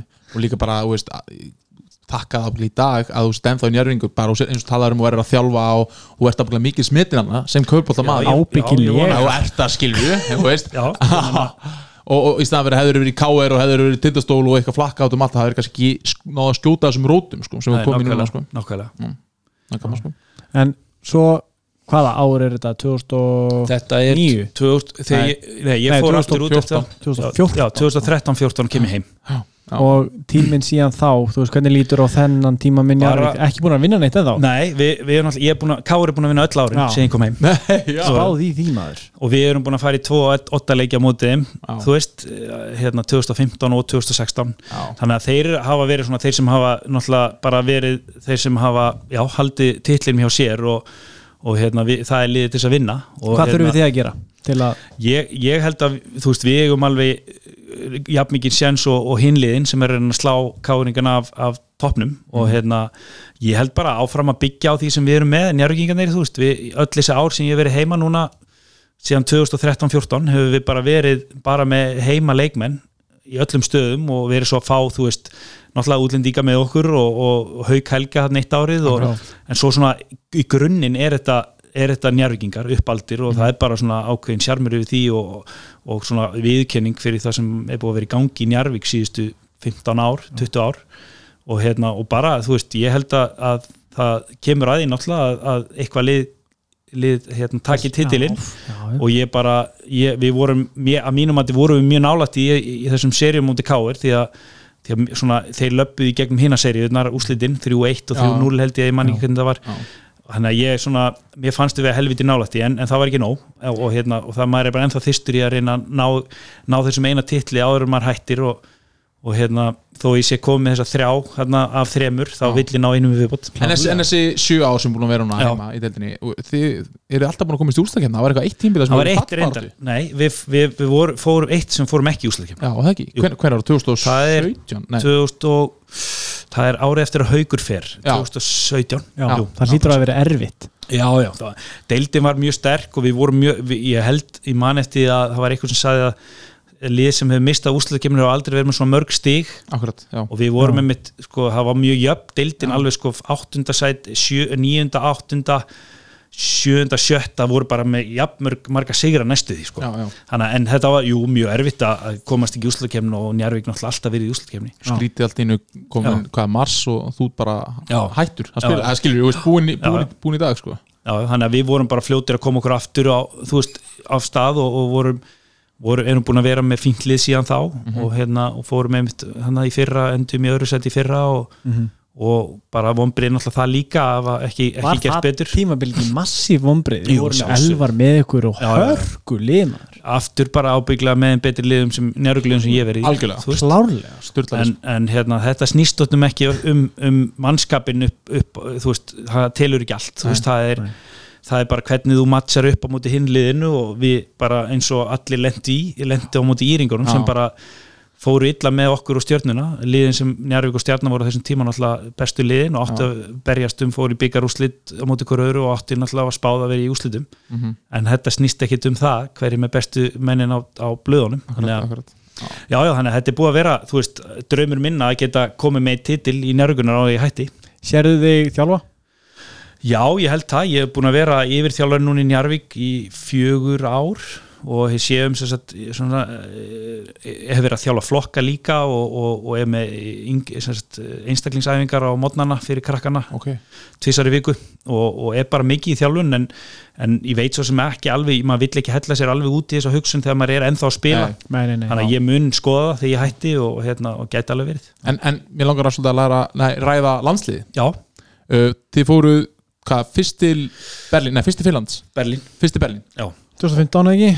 Jú og að því, veist, þá er þetta svona búið að byggjast upp landslið og byggja svona Já. áður fyrir þá var þetta, veist, hvernig var hverju munur landsliðinu þá og semst sko, fyrir 2015 Máli er að ég sko að því að maður á alltaf að líka að bera virðingu fyrir leikmennum sem eru undan okkur að þegar ég kem inn í lið þá er þetta svakalega góði leikmenn í öllum stöð Máli er bara þú veist að árferði var bara öðruvísi þá, það var bara erfiðar að komast að topp liðunum í Evrópu, það var sett í A og B-dild þú veist, þú varst að vinna upp úr B-dildin þess að komast í A-dildin og mm. þá þurftur að fara í undakefni og þetta tók bara mörg mörg ár. Flókið og ef þú komst ekki upp úr B-dildin þá varstu bara í B, áttu aldrei sens að fara stórmút þannig að þegar ég kem inn ég kem inn í landsliði 18 ára gammal þá eru við teknirinn, þá er Frikki Rúnars á töluðum hann aftur, mm -hmm. hann á mikið í þessari kynnslóð og, og okkur öllum að hann tekur mig fyrst inn í mestarflokkin hann er 16 ára og, og tek mig svo inn í landslið átjónara og ég og Jón erum hann saman og Jakob, við erum þrý sem byrjum Hlinur og Ölli hafðu verið,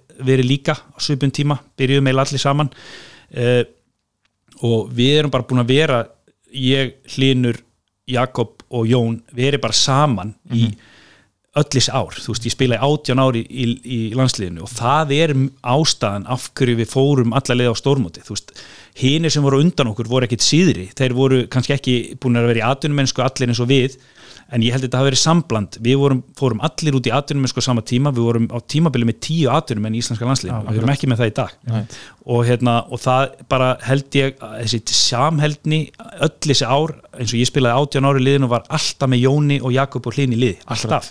þú veist og þetta og svo var Helgi Magg líka og fleiri á undan okkur, þú veist Friki Steff, Fannar Ólafs, Baldur Ólafs þú veist það voru fullta leikmenn og, og Helgi Jónas er þarna þegar ég er að byrja gau í skúla, Falur Harðar Gummi Braga, þú veist ég spila með öllum þessu gaurum.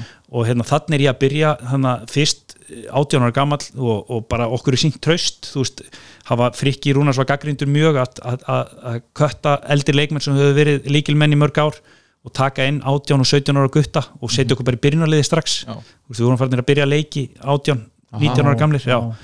Og þú veist, ég á einn, minn besta landsleik 19 ára gammal, hérna mútið Slóviníu heima. Já. þú veist, og það er bara tröst þjálfarans. Þú veist, ég átti á, ég held ég að bara verið með eitthvað 30 stíð í þeim leik og, og, og mútið, það er eitt besta lið í Evrópu og, og þú veist, þarna var bara Jón komin í líki hlutverk líka og við fengum bara tröst snemma. Og, og þetta svona hjálpaði held ég bara af hverju landsliði kom síðan á stórmót 2015 og 17 Akkurat. Þetta er náttúrulega ekki orðin eitt smá lið. Já, við Þetta er svakalegt lið í dag svo fáum við náttúrulega nýju kynnslóna með okkur síðan, þú veist, það bætist Haukur Helgi við og Hörður Axel og, og svo kemur Martin og, og Helvar og þessi strákar, Kristoffer og, og Tryggvi og þú veist, við fáum alla svona hægt og rólega inn með okkur og, og hérna og við verðum á endar náttúrulega bara rosa stert lið út af því við erum svo sam, mikið samheldni, þú veist, ar, allar varnarfæslur upp á tíu, þú veist, og við komum liðanum í Berlín rosalega óvart Hvernig það. þessi tvö Európumót? Þú veist hvernig var að vera þarna með liðinu? Já, þetta var alveg surrealist og galið sko. Bara- líka stáldi. Já, ég bara man, ég bara að því að þið spyrum um þetta núna, þú veist, ég lappa inn hann í Berlín í fyrsta leik og það er bara stút full höllin, þú veist, ég byrjaði að hita upp að drippleika, þú veist, og það eru 12 til 14 þúsund í höllinni, sko Shit og þetta er opnunaleikur, sko Já. Eurobasket, á móti heimaþjóðinni, sko Já. Og ég er bara eitthvað að drippla maður og svo rúlla boltinn, ég er eitthvað að drippla út af mig, svo rúlla boltinn, þú veist og þá stoppar einhver stóran sko og ítur hann svona timminn og þá er það Norvitski sko. Shit hann er bara svona nálagt mér sko. Og hérna þá fattaði ég bara ég er hvert er í kom Já. Þetta er ekkert einhver, leikur sko. Þetta er rosalegt. þannig að það var, það var svona og svo bara kelti þetta áfram leik eftir leik skilur maður var að spila móti Bellinelli og Gallinari á Ítalíu veist og, og, og Gasol og, og, Sergio Júl og. Fernandes og öllum þessu gaurum í, í Spáni sko og, Serbarnir þú veist, náttúrulega eitt besta liði í heimi á þessum tíma Hvað heitir aftur poingatinn? Góði. Veist, Theodosic. Já, Theodosic, já. Já, veist, og þetta eru leikmenn bara sem, sem maður bara sjá, sjá í sjónvarpöllis ár og ég er náttúrulega mikill körbálta áhuga maður horfði á öll Eurobasket mótin bara sem, bara frá ég var 12-13 ára gamall, þú veist, maður, þú veist að vera ekki sýnt í sjónvarpi þá komst maður í þetta. Og hérna, og þetta bara þetta voru náttúrulega bara eitthvað draumur sem maður held að myndi aldrei gerast og gjör svona galið að þetta hafi gerst, ég meina við erum ennþá langminnsta þjóðin í sögu Eurobasket að hafa farið hann inn og tvö ári í röð. Mér finnst það ekki nógu mikil, mikil smetið veist, allir er bara að tala um hennar fótbolta og jæri hvað þeir eru flott, en mér finnst þetta ekki veist, rætt hvað þessu stórt þetta er. Það hefur náttúrulega að gera með það bara að körfuboltin hefur bara ekki verið það stór á Íslandi í, umfjöldinu náttúrulega síðustu ár frábær, frábær en fram að því var ekkit svo mikið rætt um körfubolta og körfubolta ekki síndur þú veist, leðu ég flutti í Evrópu að spila sem aðdunumæður, þá var bara þú veist síningarétturinn á Euroleague var bara jafn dýr fyrir sjónastöðunar og mistardeldin í fótbolta. Akkurat. Af því að Euroleague var síndur í öllum löndum í Evrópu nema Íslandi. Þú veist, þetta, Og er enn ekki og sýnd er enn ekki síndur og það við er erum með leik, við erum búin að hafa Jónatna og við erum búin að hafa Martin. Þú veist, og erum með Martin hann og, og, og, og þetta er ekki ennþá komið í sjónvarpið okkar. Það er ótrúlegt. sko. Við köllum Og- eftir því bara en það er líka bara út af því að eftirspurning kannski er ekki nóg mikil það er ekki nóg mikið fræ, f, f, hvað sem að frætt fólkið um með þessa deild og, og deildirnar í Evrópu. En þegar þú flyttu til Evrópu eins og ég gerði og var hérna í yfir áratug þá var þetta bara öllum stöðum skil, þetta var bara prime, bara eins og maður horfur á NBA í bandaríkjum, þá var Euroleague og spænska úrvastildin og þú veist allir þessar bestu deildir eru bara í sjónvarpinu. Ég held að þurfi bara að gera þetta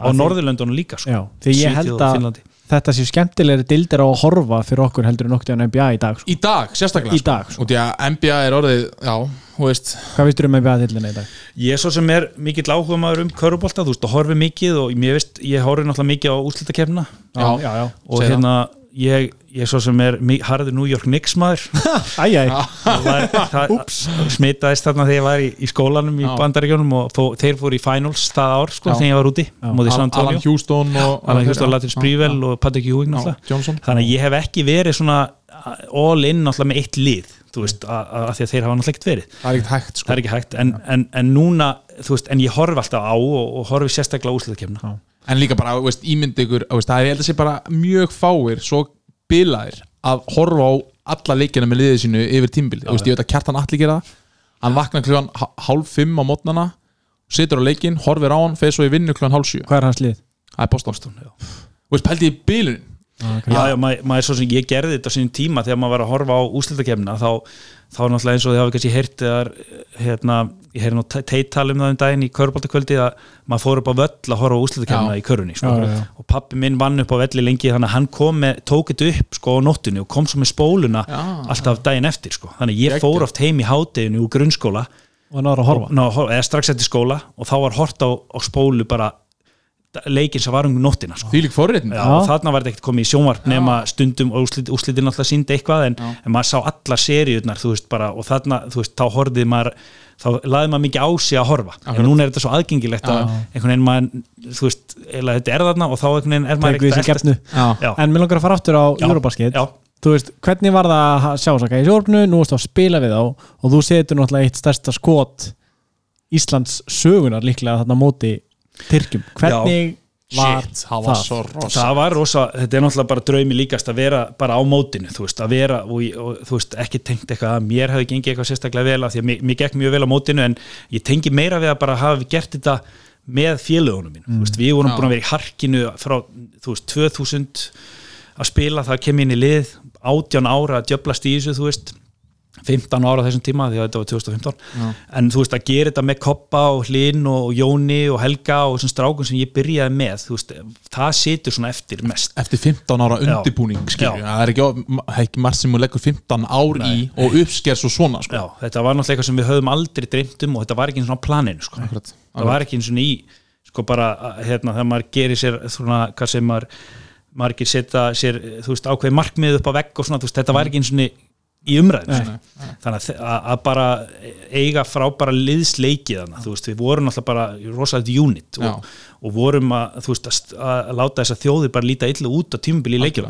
Kom það þér á óvart, nú ætla ég að spyrja bara þér persónulega. Kom það þér á óvart hversu góður þú varst nú eh, bara ég er að reyna að ímynda mér þegar maður er að spila móti í svona gæjum.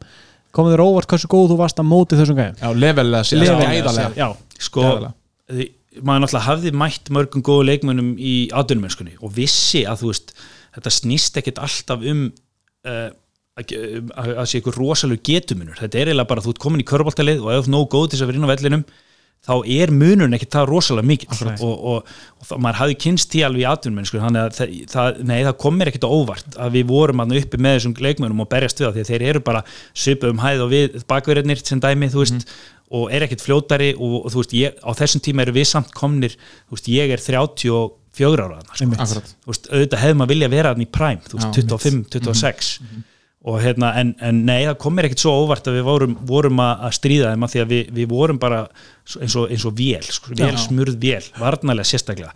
Og boltin gekk vel á milli það er engin, að engin e, e, svona eigingirni í neinu leikmanni all, allan minn landsinsveril all, alltaf allir einhvern veginn á sömum blæsju og það var bara líkillin að því okkur við, við komum svona langt og, og náttúrulega bara út að riðlum var svo ógesla sterkur sko, þá, þá enduðum engan sigur en, en ég held að við höfum auðvitað geta stólið þarna Ítalíu leiknum, Tyrkja leiknum og í rauninni þjóðverðarnir við höfum geta líka unni handleik sko. já. þannig að Það er fannstu fyrir svona in-game að þau voru að spila að það var vannmati upp að leiks Já. og svo breyttist það Já, fannstu klárlega. mikið fyrir svo liðs ég, sko, ég, ég fann meira fyrir það að þeir voru svo óvanir að spila móti svona vörd veist, þeir voru svo vanir að djöfla stóru görðnir á móti öðrum stórum. Þú veist, við vorum alltaf komin að dobla og í hvert einskipti og svo, svo gáðu þeir hann út og þá voru við svo fljótir að róteita að vorum bara komnir og, og þeir höfðu sem gátt ekkert farið sko. Það var góð tilfinning. Já, það ekki, var það ekki sem að, finna stórþjóðir bara molna í höndunum. Þó já. höfum ekki unnið á maður sá bara örvæntinguna á summaðum og pyrringin þeir voru stórun upp Mhm.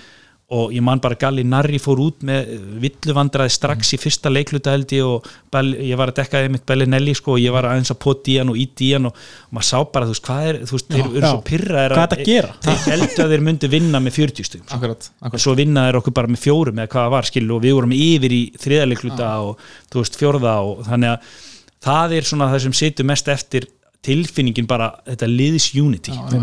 Og líka bara það að sko að þið vir, og það hefði verið góð vítamins sprauta og það hefði alveg verið ástæð þess akkur þetta þið heldur svona lengin í leikin bara í það sem þið fundið inn á vellinum herri, við erum svona góður í þessu. Nákvæmlega. þið trúið líklega ekki svona mikið fyrir, fyrir mót nei, nei, Al, alls ekki, Nei, nei, en bara trúið ekki að geta orðið svona áhrifar mikið sko, að, að þið getið stríkt þeim svona mikið.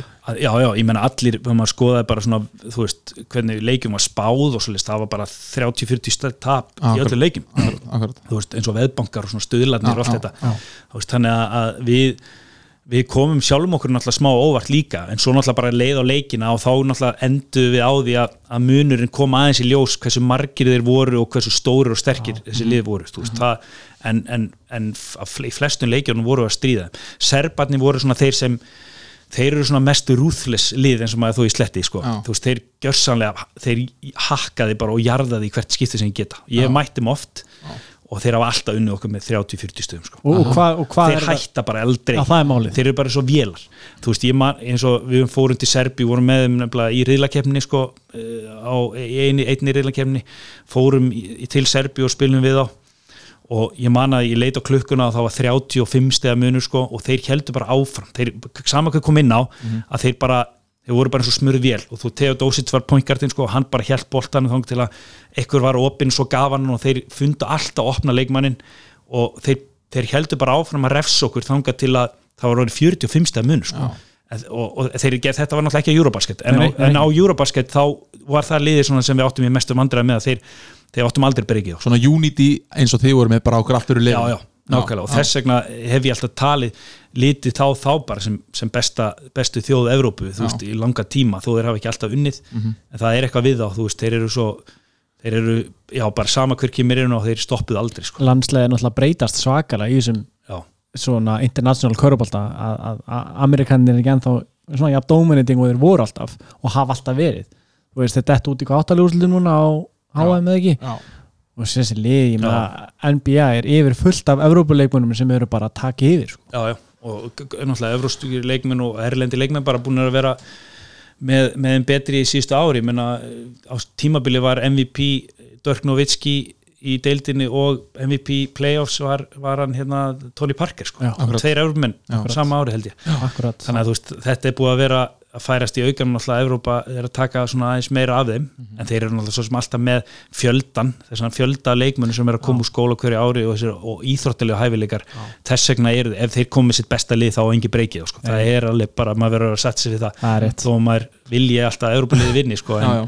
Þeir, þá á engin breykið og þeir eru velja sína bestu sko. ef að þú hefðir ekki meðist og farið í draftið þá hefði Chris Boss allir þessi gæðar, Jón var í þessu. Já hann fór þetta. Hann draft var, fór, hann, ég mitt fór til Jóns til Dallas, árið sem ég meiðist þá fer ég heim snemma. Þannig að ég fæ, ég ákvað bara í staðan fyrir að vera hérna heima að væla út af meðslunum að ég fer til Dallas og hérna er hjá honum alveg í, í tvær vikur eða sko, sé fyrir úslutkemna og, og þá er mitt manni að hann var að segja mig frá því að hann var einmitt í svona rúki hérna nýlega uh, svona hérna, hvað sem er námskeiði þú veist, fyrir tímabilið að, hérna, að læra hvernig átt að höndla það að vera komin inn í deildina, þú veist, þá er svona námski fyrir strákana þegar að fá mikið að peningum, sérstaklega stærstu, þá var hann einmitt í þessu með Lebron, Chris. Boss og. Wade, þú veist, í rookie class með þeim, sko. Hann, hann var í ágætt sópið Shit en, en, en ég var svo sem aldrei eins og þú tala um þetta þú veist, ég var svo sem aldrei komið á þann stall að ég var að fara að, að hérna, gera mig vonir um það, þú veist, ég hefði viljað fara í sumadeildina og Já. sjá hvað ég kemur út um mér. Að það var, það var planið hjá mér og sýna umbásmannunum og bara marka sitt já, já, en svo bara, þú veist, gerist þetta og ég bara held áfram mínu ferli í Evrópu og bara sáttu við hann og, Já. og hérna, og hérna bara ánæg með líka bara að hafa fengið að, spila í flottum deildum og, og flottum borgum, góðum löndum skilur við bara mjög, það fór eftir náttúrulega Gekja. en svo fór, svo þetta til Finlands á annars stórmót. Já, uh, hvernig á tilfinningin semast að koma af stórmótu þetta er ekki allt nýtt og svona, veist, mér leið ekki sjálfum mér en mér leið eins og þetta hafi valdi pínu liðinu pínu ekki vombriðum en þetta var ekki eins svona eins geggjað. Sko, við vorum uh, samt með þessa hugsun áfram eins og við vorum í Berlín og við vorum alveg hungraðir í að fá að vinna eitt leik, Akkurat. þú veist, taka allan eitt, eitt tvo leiki, þú veist, við, við sáum hann að lið, þú veist, sem við voru ekki á alveg sama klassa, þó voru þetta, þessi riðil var alveg jafn sterkur í rauninni nema ef maður hugsaður um pólverina og finnana þá eru þeir ekki alveg á sama standard og Spán og, og, og Ítalía og, og hérna, Serbía Mhm, sem dæmi. en þessi lið voru bara reddi fyrir okkur, þau voru bara tilbúin Já, vissu hvernig við spiluðum þau voru ekki með, við vorum ekki svona óvænta lið eins og Mhm. 2015 við vorum allir, ég var orðin 36 þú veist, Já. við vorum allir komnir ennþá, vorum orðinir ennþá eldri þó við höfum náttúrulega fengið nýja leikmenn Mhm. sérst yng, yngri inn, sko. Þá var þetta, voru þeir hinn liðin bara tilbúnar í okkur og, og við áttum bara ekki breyk, sko. Hvernig, hvernig séu landsliðið þróast með, með hækkandi aldri hjá þessum strákum? Já, ég meina þe- þegar við erum í frábæru málu með, með, með hérna hæfileika og, og, leikmenn í öllum stöðum og komandi með, við erum komið með tryggva í senderinn, þú veist, í miðherjan þetta er náttúrulega rosalega flottur hópur þetta þarf samt alltaf að byggjast þetta, þessi, þessi samheldni sem byggðist hjá okkur á, á 15 til 20 árum.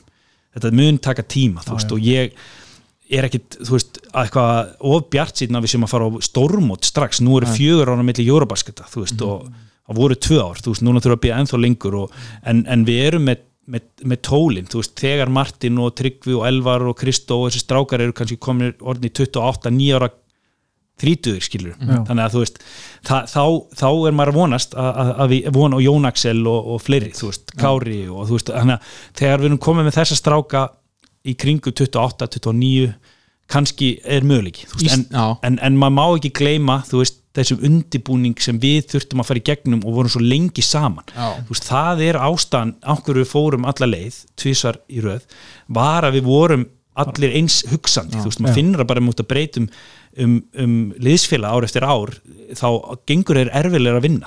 Káringarnir eru búin að vinna allir þessi ár þeir eru alltaf með sömu sama, oftast sama þjálfaran þeir eru með sömu leikmenna. S- allir vita hvernig þú átt að færa því í vörd þeir vita hvað þú ert í sók þetta var það sem við höfðum. Já. og fórum á Eurobasket út af því. Já. þess vegna er óraunhæft kannski að ætlast til að hinir fari strax Mhm. af því að það þeir þurfa, við fengum þennan tíma skilur sko korið í liðinu var búið að sko leggja 15 ára vinnu í þetta Já. þegar íslenska landsliði þarf eitthvað miklu meir en gæði til að ná langt Já, sko. það, er, það er rétt. Og það bara gæði er ekki nóg fyrir og við, okkur við sko. höfum bara ekki fjöldan skilur, við höfum ekki stærðina í öllum stöðum þannig að já, já, það eru mikla það að pæla í sig fram og tilbaka. en hérna Heiðar Snær. Já, ég var að hugsa hvort við ættum að taka hann í quiz ég var eitthvað við í svona langu ferill þú veist, og ég get Já. það, þegar ég fer á stað að tala þá Það stoppa er ég ekki sko, þannig að- við Það er getum bara- verið hérna bara í þrjá tíma. Já, veist að eins og, og þú veist, þú ert ekki fyrsti maður en við getum bara haft serju Loga Gunnar Já, serju, sko. því að, því að það er búið kvart yfir okkur að þetta séu helviti langi þætti, sko. Þegar við förum á flug, sko. Erum við svona- elskum að tala Já, sko, já, já, þetta er ekki þannig að við erum góðið saman hérna. Já, já, já, við getum talað endalist um þetta, sko. En sko, quizið er búið að virka þannig hinga til að uh, ég var 3-1 þá ákvað Heiðar að hann vildi að prófa að svara sko og ég átti að búti spurningar og hann er 0-3 þannig að þú ert favorite, early favorite Lói Ok. uh, Við erum að breyta þess quizinu, þetta búið að vera þrjá spurningar á mann en Heiðar finnst því svo góðu spyrill það eru fimm spurningar á mann núna.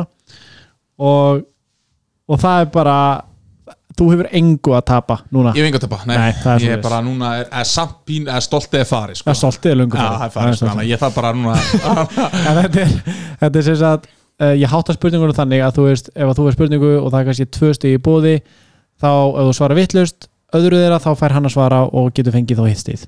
Voða einfalt, Spurningar eftir hún flist yfir á mig. voða einfalt. Uh, ég ætla að byrja á Loga Gunnarsinni ef þú ert klár ok, fyrsta spurning Logi Tímabilið 2010-2011 vann sami leikmaðurinn til verðluna sem besti ungi leikmaðurinn og sem prúðasti leikmaðurinn í úrvalstir kalla. Hver á það? 2010-11 já, þannig, er ég mitt erlendis maður var ekki mikið svona í velunum eftir tímabilið þú segir yngsti og Prúðasti. Sérst efnilegsti leikmaður vantilega, Eh, það ekki eða, veist, stendur besti, já líklega Besti ungi, efnilegasti, já, já, ungi, já, ok, líklega besti ungi, efnilegasti, ok. já. vá ég hef ekki sensið þetta sko Sæður besti leikmaðurinn Nei, besti ungi Já, leikmaðurinn ok. sem og prúðasti leikmaðurinn uh, ég er þetta Hörður Axel? Það er ekki rétt Nei. Það er ekki rétt Þetta flýst yfir uh, Hver er ungur og Er þetta að fara að koma til Jú, 1-0? Ég trúi eiginlega ekki Aha, Nei, ég held ekki, ég er ekki með þetta sko. Nei, ok. Vitum, ég ætla samt að giska á hvað gott nafn Hvaða lið var gott á þessum tíma. Var ekki Grindag sem eru mistrar Hætt að leita svörum í mér. ok. Ég Hann ætla að horfir segja alltaf svona á mig og aðtók henni bregst við sko. er, Ég ætla að segja Hver er óbáslega prúður? Segjum bara Það eru 5 sek. Uh, eitthvað, Ég veit það ekki maður. Þetta er erfitt. Bara og, bara, Þrír. Ég veit það ekki. Shit Ég veit ekki, hvað er bara með það. Það er Æþór Steinarsson. Er það? ok, það var fjölnistrákur ég var með fjölni, fjölnismann. Það Er það? Var það ægir? Ég held að, ok. Ok, en Hörður var ábygglega í Keflavík eða Erlendis ég er ekki Já, Já, ég ok. ekki viss. En uh, ekki efast um spyrlin, heiðar. Nei. Við höfum það alveg hérna Æja, það er það fyrsta spurning á því heiðar. Mhm. Fyrirtækja bygga Karla sem við nefndum hérna áðan uh, var keppni sem var haldin á árunum 1996 til 2015 Spurt er, hvaða lið sigraði byggarinn oftast á þeim árum? Já, ætlum að vera ekki að segja eitthvað, þú veist Njarvi, Keflaði, KR Ég ætla að segja segjum bara bara klassist að segja gamla góða KR Það er ekki rétt. Djöfull. Já, þetta er, það er erfitt það er, svona, það er langt síðan sko. og þetta er ég ætla að gíska á Keflavík. Það er rétt, oh, það er hár rétt. Keflaði kom fyrst í hausnámi sko. Keflæk vann þennan byggar 6 sinnum. Jésús, þessum, þessum árum. 1-0 Það er 1-0 fyrir loga. Oh, Byrjar ekki vel. Á og það er nú spurning á þig logi. Frá árun 1998 hafa verið valinn körfubolta maður og körfubolta kona ársins á Íslandi. Og það kemur lítið á orð að þar tróna Jón Arnór Stefánsson og Helena Sverrisdóttir efst og jöfn á toppnum. Hversu oft hafa þau unnið velunin? já, Jafnótt jafnótt Þetta er Jafnótt Þetta ég held að þetta séu 12 skipti. Nei, er það? Er þetta grínast það? Það er Nei, rétt. ég bara, 12 skipti? Það er hár rétt já, ég er með þetta. Wow, Okkur lókar ekki að það er fæ, ég myndi gera það. Vá! 12 skipti á hvað mörgum árum? 17, nei, Frá 98, frá 98, 22 22 árum ár. 15 skipti. Wow Þú einu sinni? Brenton, Vá. Brenton 1 Hlinur gæti verið 1, Jakob 1 Já, Martin 1 Vel gert, Lógi, það er 2-0 fyrir þér. Wow, Heiðar, wow pressin er aukast. 12 Önnur spurning á þig. Mhm. Hvaða hlutur er á merki köruboltaliðs Kormáks á komstanga? Hvaða hlutur er á Mm. Ég spilaði Fárloft á mútið Kormok sko, Já, já. í sérilinum Við vorum ekkert spes en ég, sko, mútið Kormok eh, Hvaða hlutur? Hvað hlutur? ætla að segja hamar. Það er ekki rétt. Oh, Sko, þetta er, það er svolítið press á mér sko. Nú. Ég er, sko, amma mín og afi eru frá Laugabakka. Aha. Ó, og hérna, ég er þarna öllum stundum á sumurinn eða var sem gutti. Og hérna var hérna þekki náttúrulega frændi minn, Hannes Ingi Másson sem er spilað með tindastól. Já, hann er frá Komstanga og spilaði með Kormák Þá er mikil Kvartett. pressa á honum. já, já, og, og hérna, ég á að vita þetta en Ég ætla að sína heiðari myndin af þessu á meðan þú reynir að svara. Er þetta ekki er þetta selur? Það er ekki rétt, þetta er skip. Það er skip. Að Þetta er svona hálfgert vikingaskip Við sínaði myndin af ok, þessu? Já, ég, veistu, ég aldrei séð Nei. merkið. á, á skemmt, að kom inn að staðan á millið það Já, Það var eina skipta á ferlinum var spila box 1 á mig Háramóti Kormok Í álunni hverju í fyrra hálfleik skoraði ég 17 stig. Jálfurinni og að sko ég hitti sko fjóra þrista í fjóra Já, var þetta Já, var þetta ekki hérna? Tónin ekki þess að þú spilaðir fjögur á niður fyrir þig? Nei, þetta var og síðan kom Benjamin Já, hann spilaði box 1 á mig og ég fekk ekki boltan alla sinna Braut mig alveg. Þetta er mjög gott. Jæja, Logi, þriða spurning.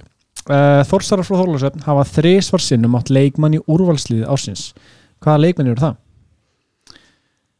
ok mm, það er Haldur Garðar. Það er ekki rétt. Nei, þá er ég, ég stopp það bara. Nei, þetta eru tvei leikmenn. Ok, hérna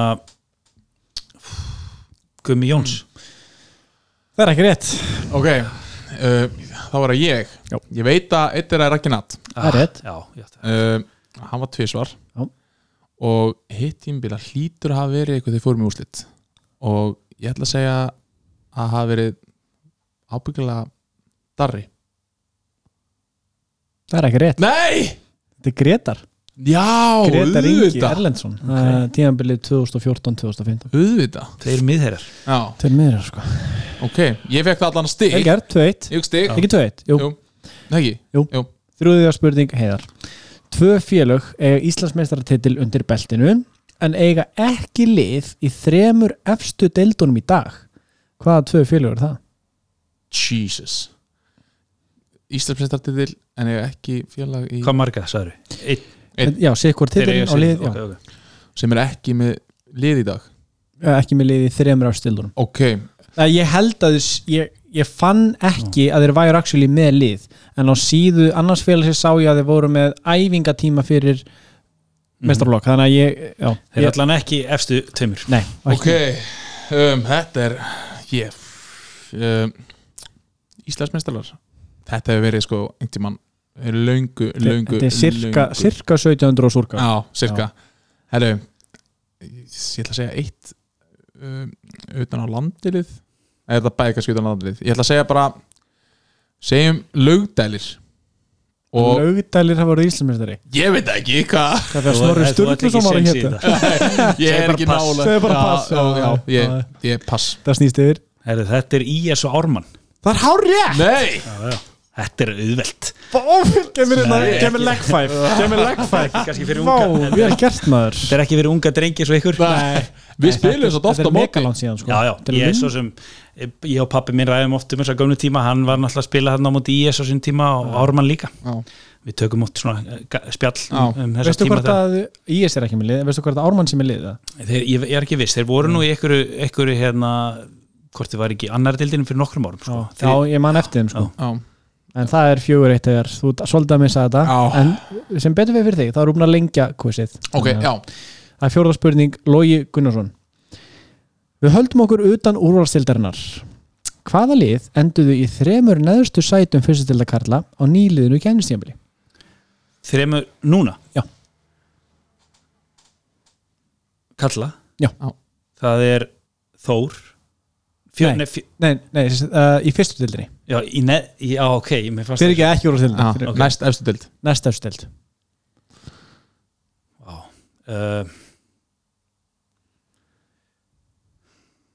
hmm. þetta er góð spurning já, Takk ég ætla ekki eins og ég að reyna þetta sko ég um,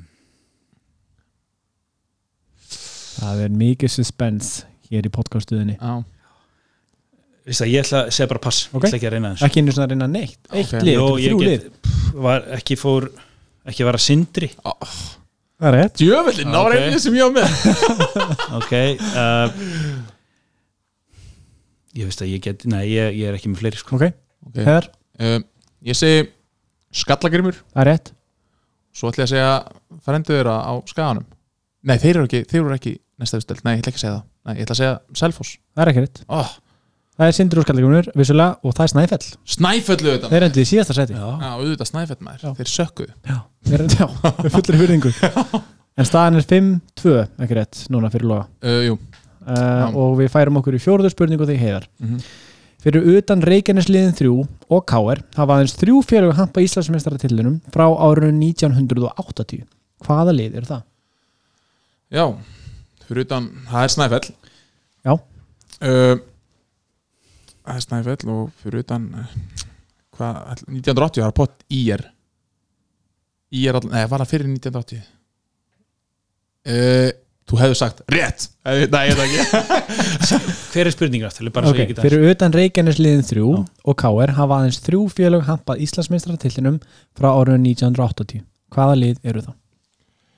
Já, já, það er ekki, það er ekki fjölnir. Nei, ok, ég ætla bara að segja ég segi uh, 1980, það er heldur langt síðan sko, Já, það er mjög langt síðan. Jæja, Ég segi IR, það er ekki rétt. Ó, ok. Og ég segi bara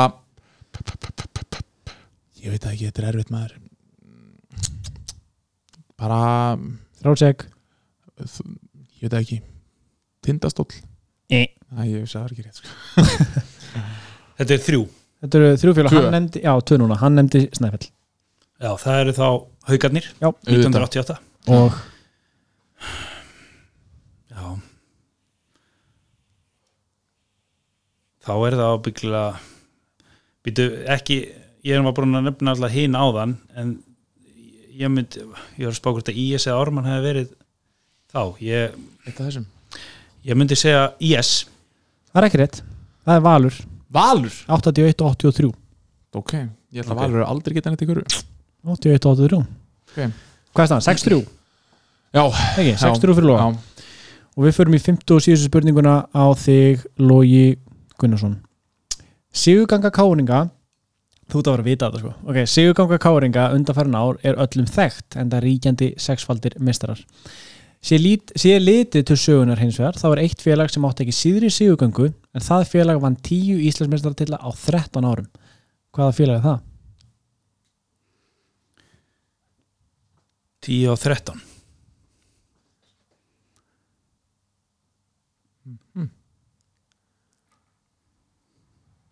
já.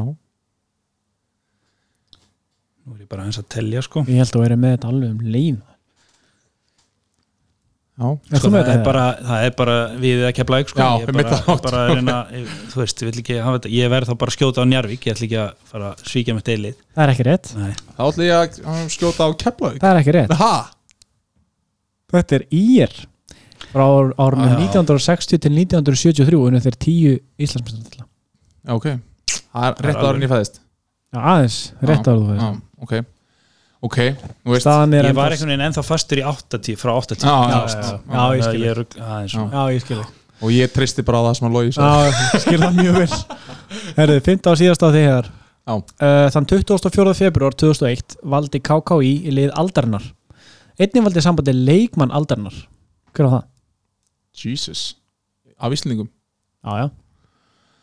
2001 Já Þessi er bara lið aldarinnar skilur við 2000 og já, 1900 já.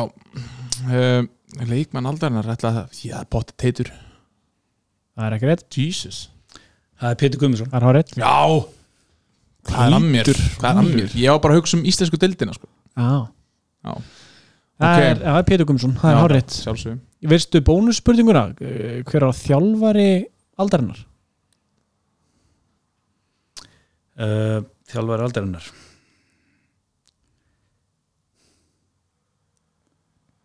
ég, er það Ingi Gunnarsson? Það er ekki rétt. Hann er- Friðrik eða? ekki- Það er Einar Bollarsson. Já, já, já, var að hugsa með eina fyrst. En En uh, þetta var Rúrugur Sigurður Lógi til hamingju. Já. Það er 7-3 7-3 uh, þetta er, já, þetta er þúnt þetta er þúnt sko 7-3 er ekki mikill munur í körubólta Hættu að reyna að réttlega þetta Þú sökkar bara við bara svo í fótbolta. Já. ég myndi vinna þessi þrjú já, það væri svolítið mikið sko. Já, en það var allan, ég náði allan að koma samt þrem mörgum á hann já skilur. til hamingju með það já, handbólti er þetta ekkert það er- þetta er ekkert yfirstingandi þar. Nei. Ég var að En- reyna að réttlega þetta eitthvað betur eða? spurningakeppni er þetta vond, ég veit ekki hana Já. Já, En uh, þannig fórum sjóferð þá. Lógi, já, hefur við ekki að detta í smá draumalið herri jú, er það ekki að síðasta dagskrá? Jú, Já, við báðum að lína upp hvað var ekki fimm manna draumalið pluss sjöttum maður og þjálfari sem að þú hefur spilað með eitthvað tíman á lífsliðinni já, þetta er, það er alltaf erfitt þegar maður skoðar þetta sko. Já, ég hérna ég hef náttúrulega spilað í Evrópu með mörgum liðum og, og hérna, mörgum góðum leikmönnum. Og hérna ég svo sem ætla, ég vildi nefna eitt þar sem er ekki inn í þessu að því að, að, því að hérna, ég vildi velja af þessum íslensku sem ég spila með að því ég, ég svona tengist náttúrulega þeim mest og, og svona ég spila lengst með þeim. Mhm. en ég spilaði í Þískalandi þegar ég spilaði úrvastildin og spilaði með, með leikmanni sem heitir Chuck Eitson uh, tveggja metra örfendur svona tvistu þristur og hann er klárlega besti leikmann sem ég spila með. Vá. hann hérna og, og með, með fullu vinningu fyrir Jóni Arnóri. En þessi strákur var bara einn af topp þremur, fjórum leikmannum Euroleague og hérna spilaði með mér í Þýskalandi var valin maður ásins beint úr skóla í Þýskalandi og Ok. fór svo bara tröppu gangin, fór til Fraklands og, og hérna fór til Litáen og var, var meistari þar í Evróp, Evrópudeildinni og hérna fór síðan til Tel Aviv fór með þá allarleið í Euroleague úslitin Aha. og hérna var varnamaður, gætt skorað, gætt gert allt sko og hann hérna það er svona minn eh, svona besti leikmann sem ég spila með og hann var einmitt fór í úslit þeir unnu Real Madrid í undanúslitum sem hafa stigastur og, Vá, og ok. maður leiksins og svo unnu þeir, nei töpuður á móti Panathinaikos í úslitum og hann, hann er svona búin að vera stórt nafn í Evrópi mörg ár, fór til Barcelona eftir það og, og hérna hann er á aldrei við mig og hérna endaði fyrirlin held í Rúslandi Ertu ykkur í bandi við hann? Já, ég, hann býr nefnilega, hann fór í skóla í Suðu Karolínu og sýsti minn býr núna í, þar þannig að þegar ég fer til hennar á sumurinn þá reynir ég svona að vera í sambandi ég hef nú ekki náð að hitta á hann en ég hef, ha- hafði smá samband við hann eftir ferilinn og hérna og tvímanlegs besti leikmann sem ég spila með. Fær hann sæti í liðinu sérst? hann fær ekki sett í liðinu. Hann fær ekki sæti í liðinu. hann er bara honorable Já, mention hann er bara svona að vera að láta ykkur vita allavega svona minn besta sem ég spila með all time sko. en, skrítið, Chuck, ma- og maður er ekkert heyrt um. Þetta er útskýrir af, hversu lítill áhugi er fyrir Ég held að sé ekki lítil áhug, ég held að sé bara skortur og Já, upplýsingar það. sko. Já, en við getum alveg gert meiri sko. Já, það er sem við þurfum að gera já. en já, eins og hann var eins og ég segi þannig besti leikmaður bara í Euroleague þetta árið sko, bara og, og var svo eh, leikmaður Barcelona og, og hérna gerir risa samning held ég fyrir 2 miljónu dollara, þú getur séð það bara á netinu. Ég flett honum upp á hann sko bara sjá náttúrulega að þeir gefa upp, upp samningastærðina sko. Já, já. þannig að við erum að tala um hérna íslensku leikmennir með eitthvað dollar á mánuði, hann hefur þá verið með 200.000 dollar á mánuði sko. Shit.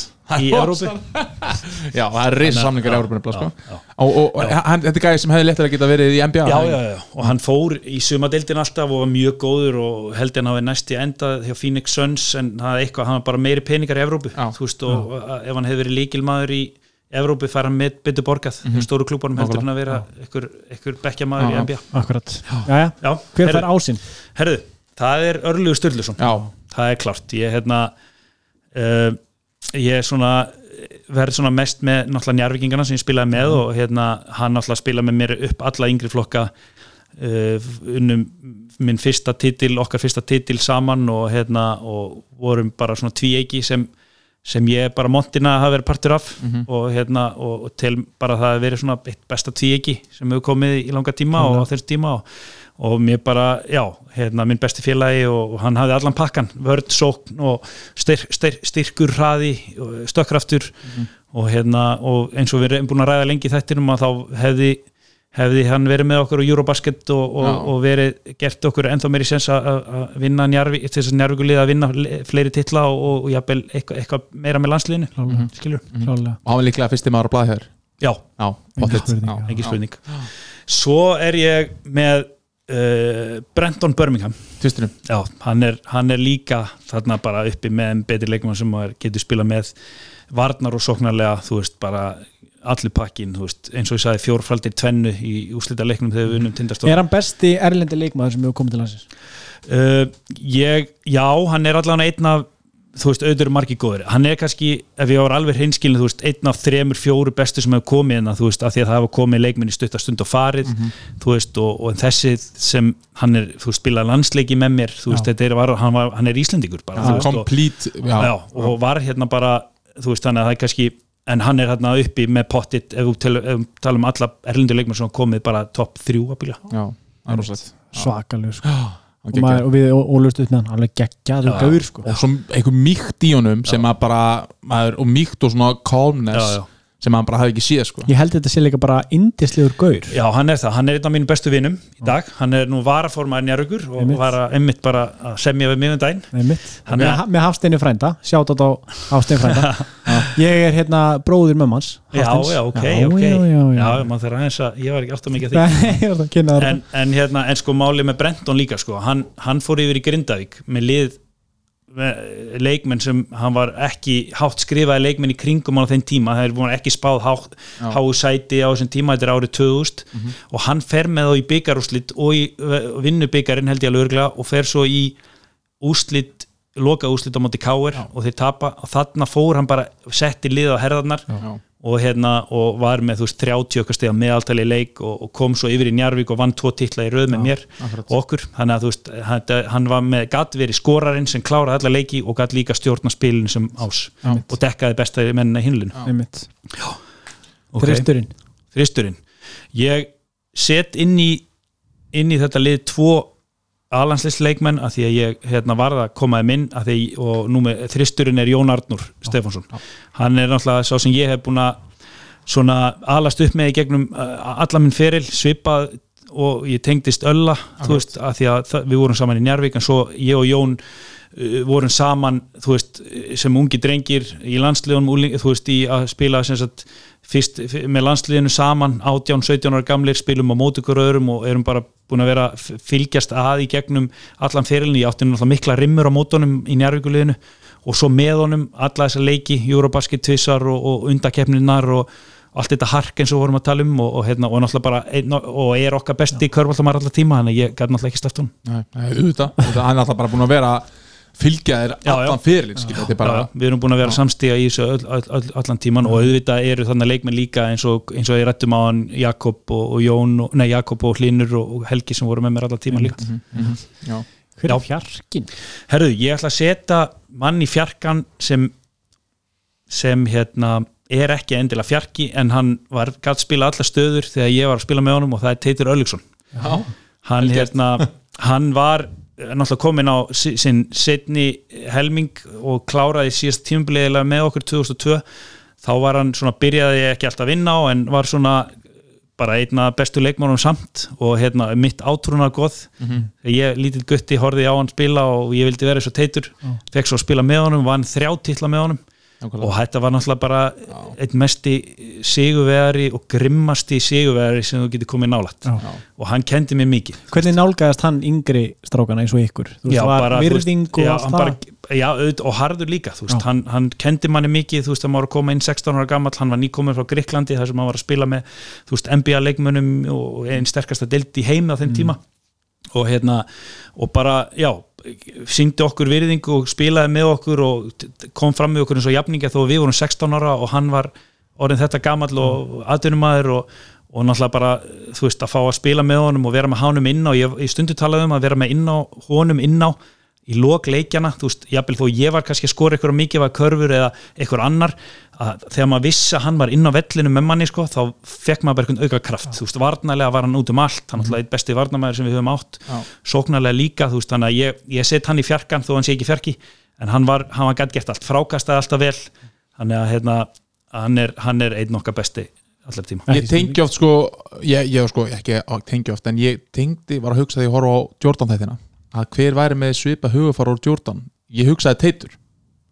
er það, er það far át eða, ég þekki hvora Nei, nei, ég meina, þú veist þekkir ekki Jordan eitt Nei, ég þekki hann ekkert sko. Aldrei kynst honum en, sko. en ég segi eins og ég sagði hann þá var hann svona með grimm, hann var, hann var grimmurinn á velli sko, þú veist, og eins og þú talar um Jordan, Mhm. Þú veist, hann gerði allt þess að vinna Já. og hérna, og kendi mér einmitt mörg brauð og, Mhm. og þú veist, maður sá að hann, hann, hann, hann hérna, stoppaði ekki eða semst, gerði allt sem hann þurfti til þess að vinna og, hérna, og það náttúrulega kom hann langt og, og, og vann alla þessa Íslandsmyndstar titla og hérna og já, bara, bara hérna, ég gæti náttúrulega aldrei sleppt hún Það er rétt. Það var að senda henni liðinu. Herðu, ég ákvað að taka erfitt að velja, ég ákvað að taka Hlinn Bærings, setja hann í fimmuna. Ég er náttúrulega líka búin að vera með honum öll þessi ár. Uh, ég vei, Frikki Steff var þann inni líka, Já, ég hugsaði spilaði það. með honum náttúrulega í landsliðinu líka og, og í Njarvík og hérna við unum titla saman og hérna en uh, Hlinur svona kannski á vinningin bara út af hvernig hann uh, bara hversu lengi hann spilaði og, og, og hann sé ennþá að og ennþá líkilmaður í sínu, sínu liði og, hérna, og öll þessi ár með landsliðinu, átján ár með mér í landsliðinu þannig að ég svona var lengur með honum á vellinu þannig að Hlinur er fimmann þessu sturlar tölur þegar talar um átján ár saman á vellinu þetta er svo, þetta er svo langur tími sko. Já. það er alveg svag að þið séu ennþá allir þessi gæjar að spila, vonandi Já, við reynum að allan eitt í upp en ok, þetta, uh, ég sko með Jón Arnur, ég glemt að spyrja því. Veist, getur ekki samfært um að samfært um að halda áfram Ég nú var bara að spjalla hann um daginn sko, og var að segja við hann að hann gæti nú ekki hætt eftir eitthvað, deildarleik í, hlýðarenda en, vonar samt En ekki pínu. Að hætta allir þá getið þið unnið. Nei, ég nefnilega vill hafa hann inn sko. Þú vilt vinna hann? Já, já, já. Að maður vill hafa alla bestu sko. Það er eitthvað legend sem kemur inn á bekknum í þessum liði líka. Herðu, það er njarvíkingurinn sem ég spilaði með Haukur Helgi Pálsson. Já, ekki vond að hafa hann ég, hérna, ég var að hugsa um alla njarvíkingana þú veist sem ég var að spila með þess náttúrulega mest með, og svo spila náttúrulega með honum í landsliðinu en, en hérna, en ég reyndi náttúrulega að hafa sem flesta sem ég hafa verið með í njarvíkuliðinu og hérna og hann náttúrulega er bara með allan pakkan þessi nútíma köruboltamæður sem hefur allt. Hann er með hæðina, vörnina, sóknina og, og svo, svo sem alveg á par í rauninni við Martin Hermansson myndi ég segja, þú veist, bara eh, hann var sjálfur núna í, í, í Európa-dildinu, næst sterkustu Európa-dildinu og var komin í áttalega úrslitum með sínu liði. Og, og ég hef alveg trú að haugur eftir að í Euroleague eins og Martin er að gera og hérna og, og svo auðvitað eru strákar í þú veist, sem ég hef spilað með sem hefur alveg geta verið eins og Elvar Friðriks Já. sem er spilað með mér í Njárvík líka og landsliðinu og, og ég hef geta sett Martin og ég hef geta sett, þú veist, fullt af þessu strákum en ég hef svona lengst allavega með þessum sem ég nefndi fyrst. Já. og hérna, og svo er, er haukur sá sem ég var með í Njárvíkulinu sem var náttúrulega svona algjör go to guy þú veist, sem átti deildina það ár sem hann var. Og, og hérna og við og ég svona hafði batt miklar vonir við að vinna titilin það árið. Við hefðum mögulega átt meiri séns í ef við höfum haft kannski aðeins stærri og sterkari eða meiri amerikana í miðjunni. Já, við vorum með lítinn Jeremy Atkinson sem var hörkuspillar en bara ekki nógu stór og, og, og gæti ekki ráðið eins mikið við stóru kallan í hinleðun Mhm. en ég, þetta ár var, var, voru, við, voru við með frábært lið og haugur langbesti leikmaður hérna deildarinn þannig að ég var að hafa hann með haugur algjörlega uník íslensku leikmaður Já. Það er margir svona leikmenn í Evrópu Já. en á Íslandi er bara enginn Nei. verið nálægt í að vera eins og hann sko Nei, ekki þessi, þessi típa leikmann sko. Þessi reyfi grind á miðu við starð og skot og bara körubálta grind þetta er bara, það er engin nálægt þessu sko rétt Já. Þurfum við að spyrja um þjálfarana Herðu, það er svo sem ég, ég ákvaða að hafa þjálfara teimi Ok, Af því að það er svo ok. margir sem hafa snert mig að það eru náttúrulega þessi tveir sem ég nefndi áðan Benedikt og, og hann Frikki sem Mhm. er mikið á mér á þessum yngri árum og, og, hérna, og líka núna Frikki þjálfaði mér náttúrulega í njárguliðinu tvö ár og, í mörg ár svo er, er verið að nefna Einar Róðna líka Já, ok. hann þjálfaði mig árið sem ég kynni baka úr, úr aðdurumennskunni og, og hérna, ég tengist, tengist honum svona persónulega líka góð vinnu minn og, og, hérna, og bara fær þjálfari, virkilega fær þjálfari og hérna, búin að vera með mig núna síðustu tvö ár og verður svo eitt í viðbót og hann, já bara ég gæti líka sleppt Nei. og, hérna, og ég held að ég, ég nefni hann að tvo njárvíkinga og það eru, Njarvík er mjög ríkt af þjálfurum við hefum, ég held, ég var nú að ræða við einhvern daginn að Njarvík var á einu tímubúnti bara fyrir nokkrum árum með eitthvað fjóra, fimm aktiva þjálfara úr Njarvík að þjálfa í deildinni Já. þá vorum við með, Já. með hérna, Frikka Rúnars og Frikki Ragvar, Teitur Já. þú veist, Daniel var að þjálfa núna þú veist, Akkurat. Einar Átni þannig að við erum með rosa marga þjálfara og eins og ég nefndi á hann Frikki, Rú, Frikki Ragg og Teitur hjálpuð með mikið á sín tíma, það er alltaf erfitt að gera þetta upp á milli en ég myndi hafa þessa þrjá í þjálfarateiminu Já, fínt teimi sko. Benni, Gum, Benni, Frikki og, og hann Einar. Já. Þetta er gott lið. Já, já, en það er alltaf leiðilegt að skilja þú veist, sleppa, Já, þú já, veist. Siggi Ingimundar kendi mig mikið, hann kendi þjálfaði mig lengi í landsliðinu, ábygglega ykkur 6-7 ár veist, þannig að það er, það er, heitna, margi sem hafa komið að ferlinu mínum og, og pappi minn sérstaklega líka. Tala við hann eftir öll. Hann er náttúrulega reynslu, reynslu mestu þjálfurum landsins, alltaf þess að titla á bakinu í Njarvíkonum og, og landslistjálfari líka á sínum tíma og hérna þannig að ég nota hann mikið, ringi í hann eftir hvernig næsta leik en þó í dag, þó, þó ég sé orðin þetta gammal við ræðum, ræðum fram og tilbaka og hann, hann lætur mig vita hvað ég var að gera vittlust þó ég sé orðin 38 ára núna. Þetta, þú hefur Nei. örugglega geta búið til 12 manna hóp sko. Já, já, Já, já, Já. En sko, nú langar mér bara að spyrja bara út í nákvæmlega framtíð. Og veist, núna megið þið fara að byrja að æfa aftur fljótlega, er það ekki? Jú, jú, við byrjum á mánudaginn. Ég ég er búin að skipulegja bara yngri fólkastarfið okkar á mánudaginn og byrjum á fullu frá fyrsta til tíunda bekk. Ok, þannig að, að hérna, við erum að fara þá í einstaklingsæfingar í mistarflokkunum og eldriflokkunum þá svo mátt bara vera fjórir inn í einu í húsinu. Já, já, og það þarf að spritta og, og þannig við byrjum bara rólega næsta leik. Já, rétt. En við sjáum, ljósið er komið sko, við sjáum það sko, það er mjög langt frá Já. en við sjáum það, en núna þetta er alltaf að fara að gera sko, eða svona, það er ennþá hvað, sex mánuður í, í næst. Já. Það er langt. það. Er alveg slatti. Það er alltaf langt. En Lógi, já, takk kærlega fyrir að koma. Já, takk, þetta var gaman að, að hérna, fara bara á stað og, og, Já, þetta er mjög og, og gaman, líka bara gaman fyrir mig að þetta eru kannski ákveðin tí- tímabil og ár sem ég hef kannski ekki hugsað um í langa tíma ekki, ekki tala svona mikið Nei, um nei. streit sko ég held ég hef aldrei rætt aðdurmannafélum minn svona mikið þú Já, veist, gaman. og svona dítela geggjað að heyra heiðurinn er okkar sko algjörlega, gaman. algjörlega. takk hérlega fyrir að koma minn og þið þóttakörfu unundur takk hérlega fyrir að hlusta á okkur og bara, við viljum bara þakka fyrir í dag og heyrjum bara fljóðlega, eða ekki? Takk fyrir mig Takk fyrir Takk mig. fyrir mig Takk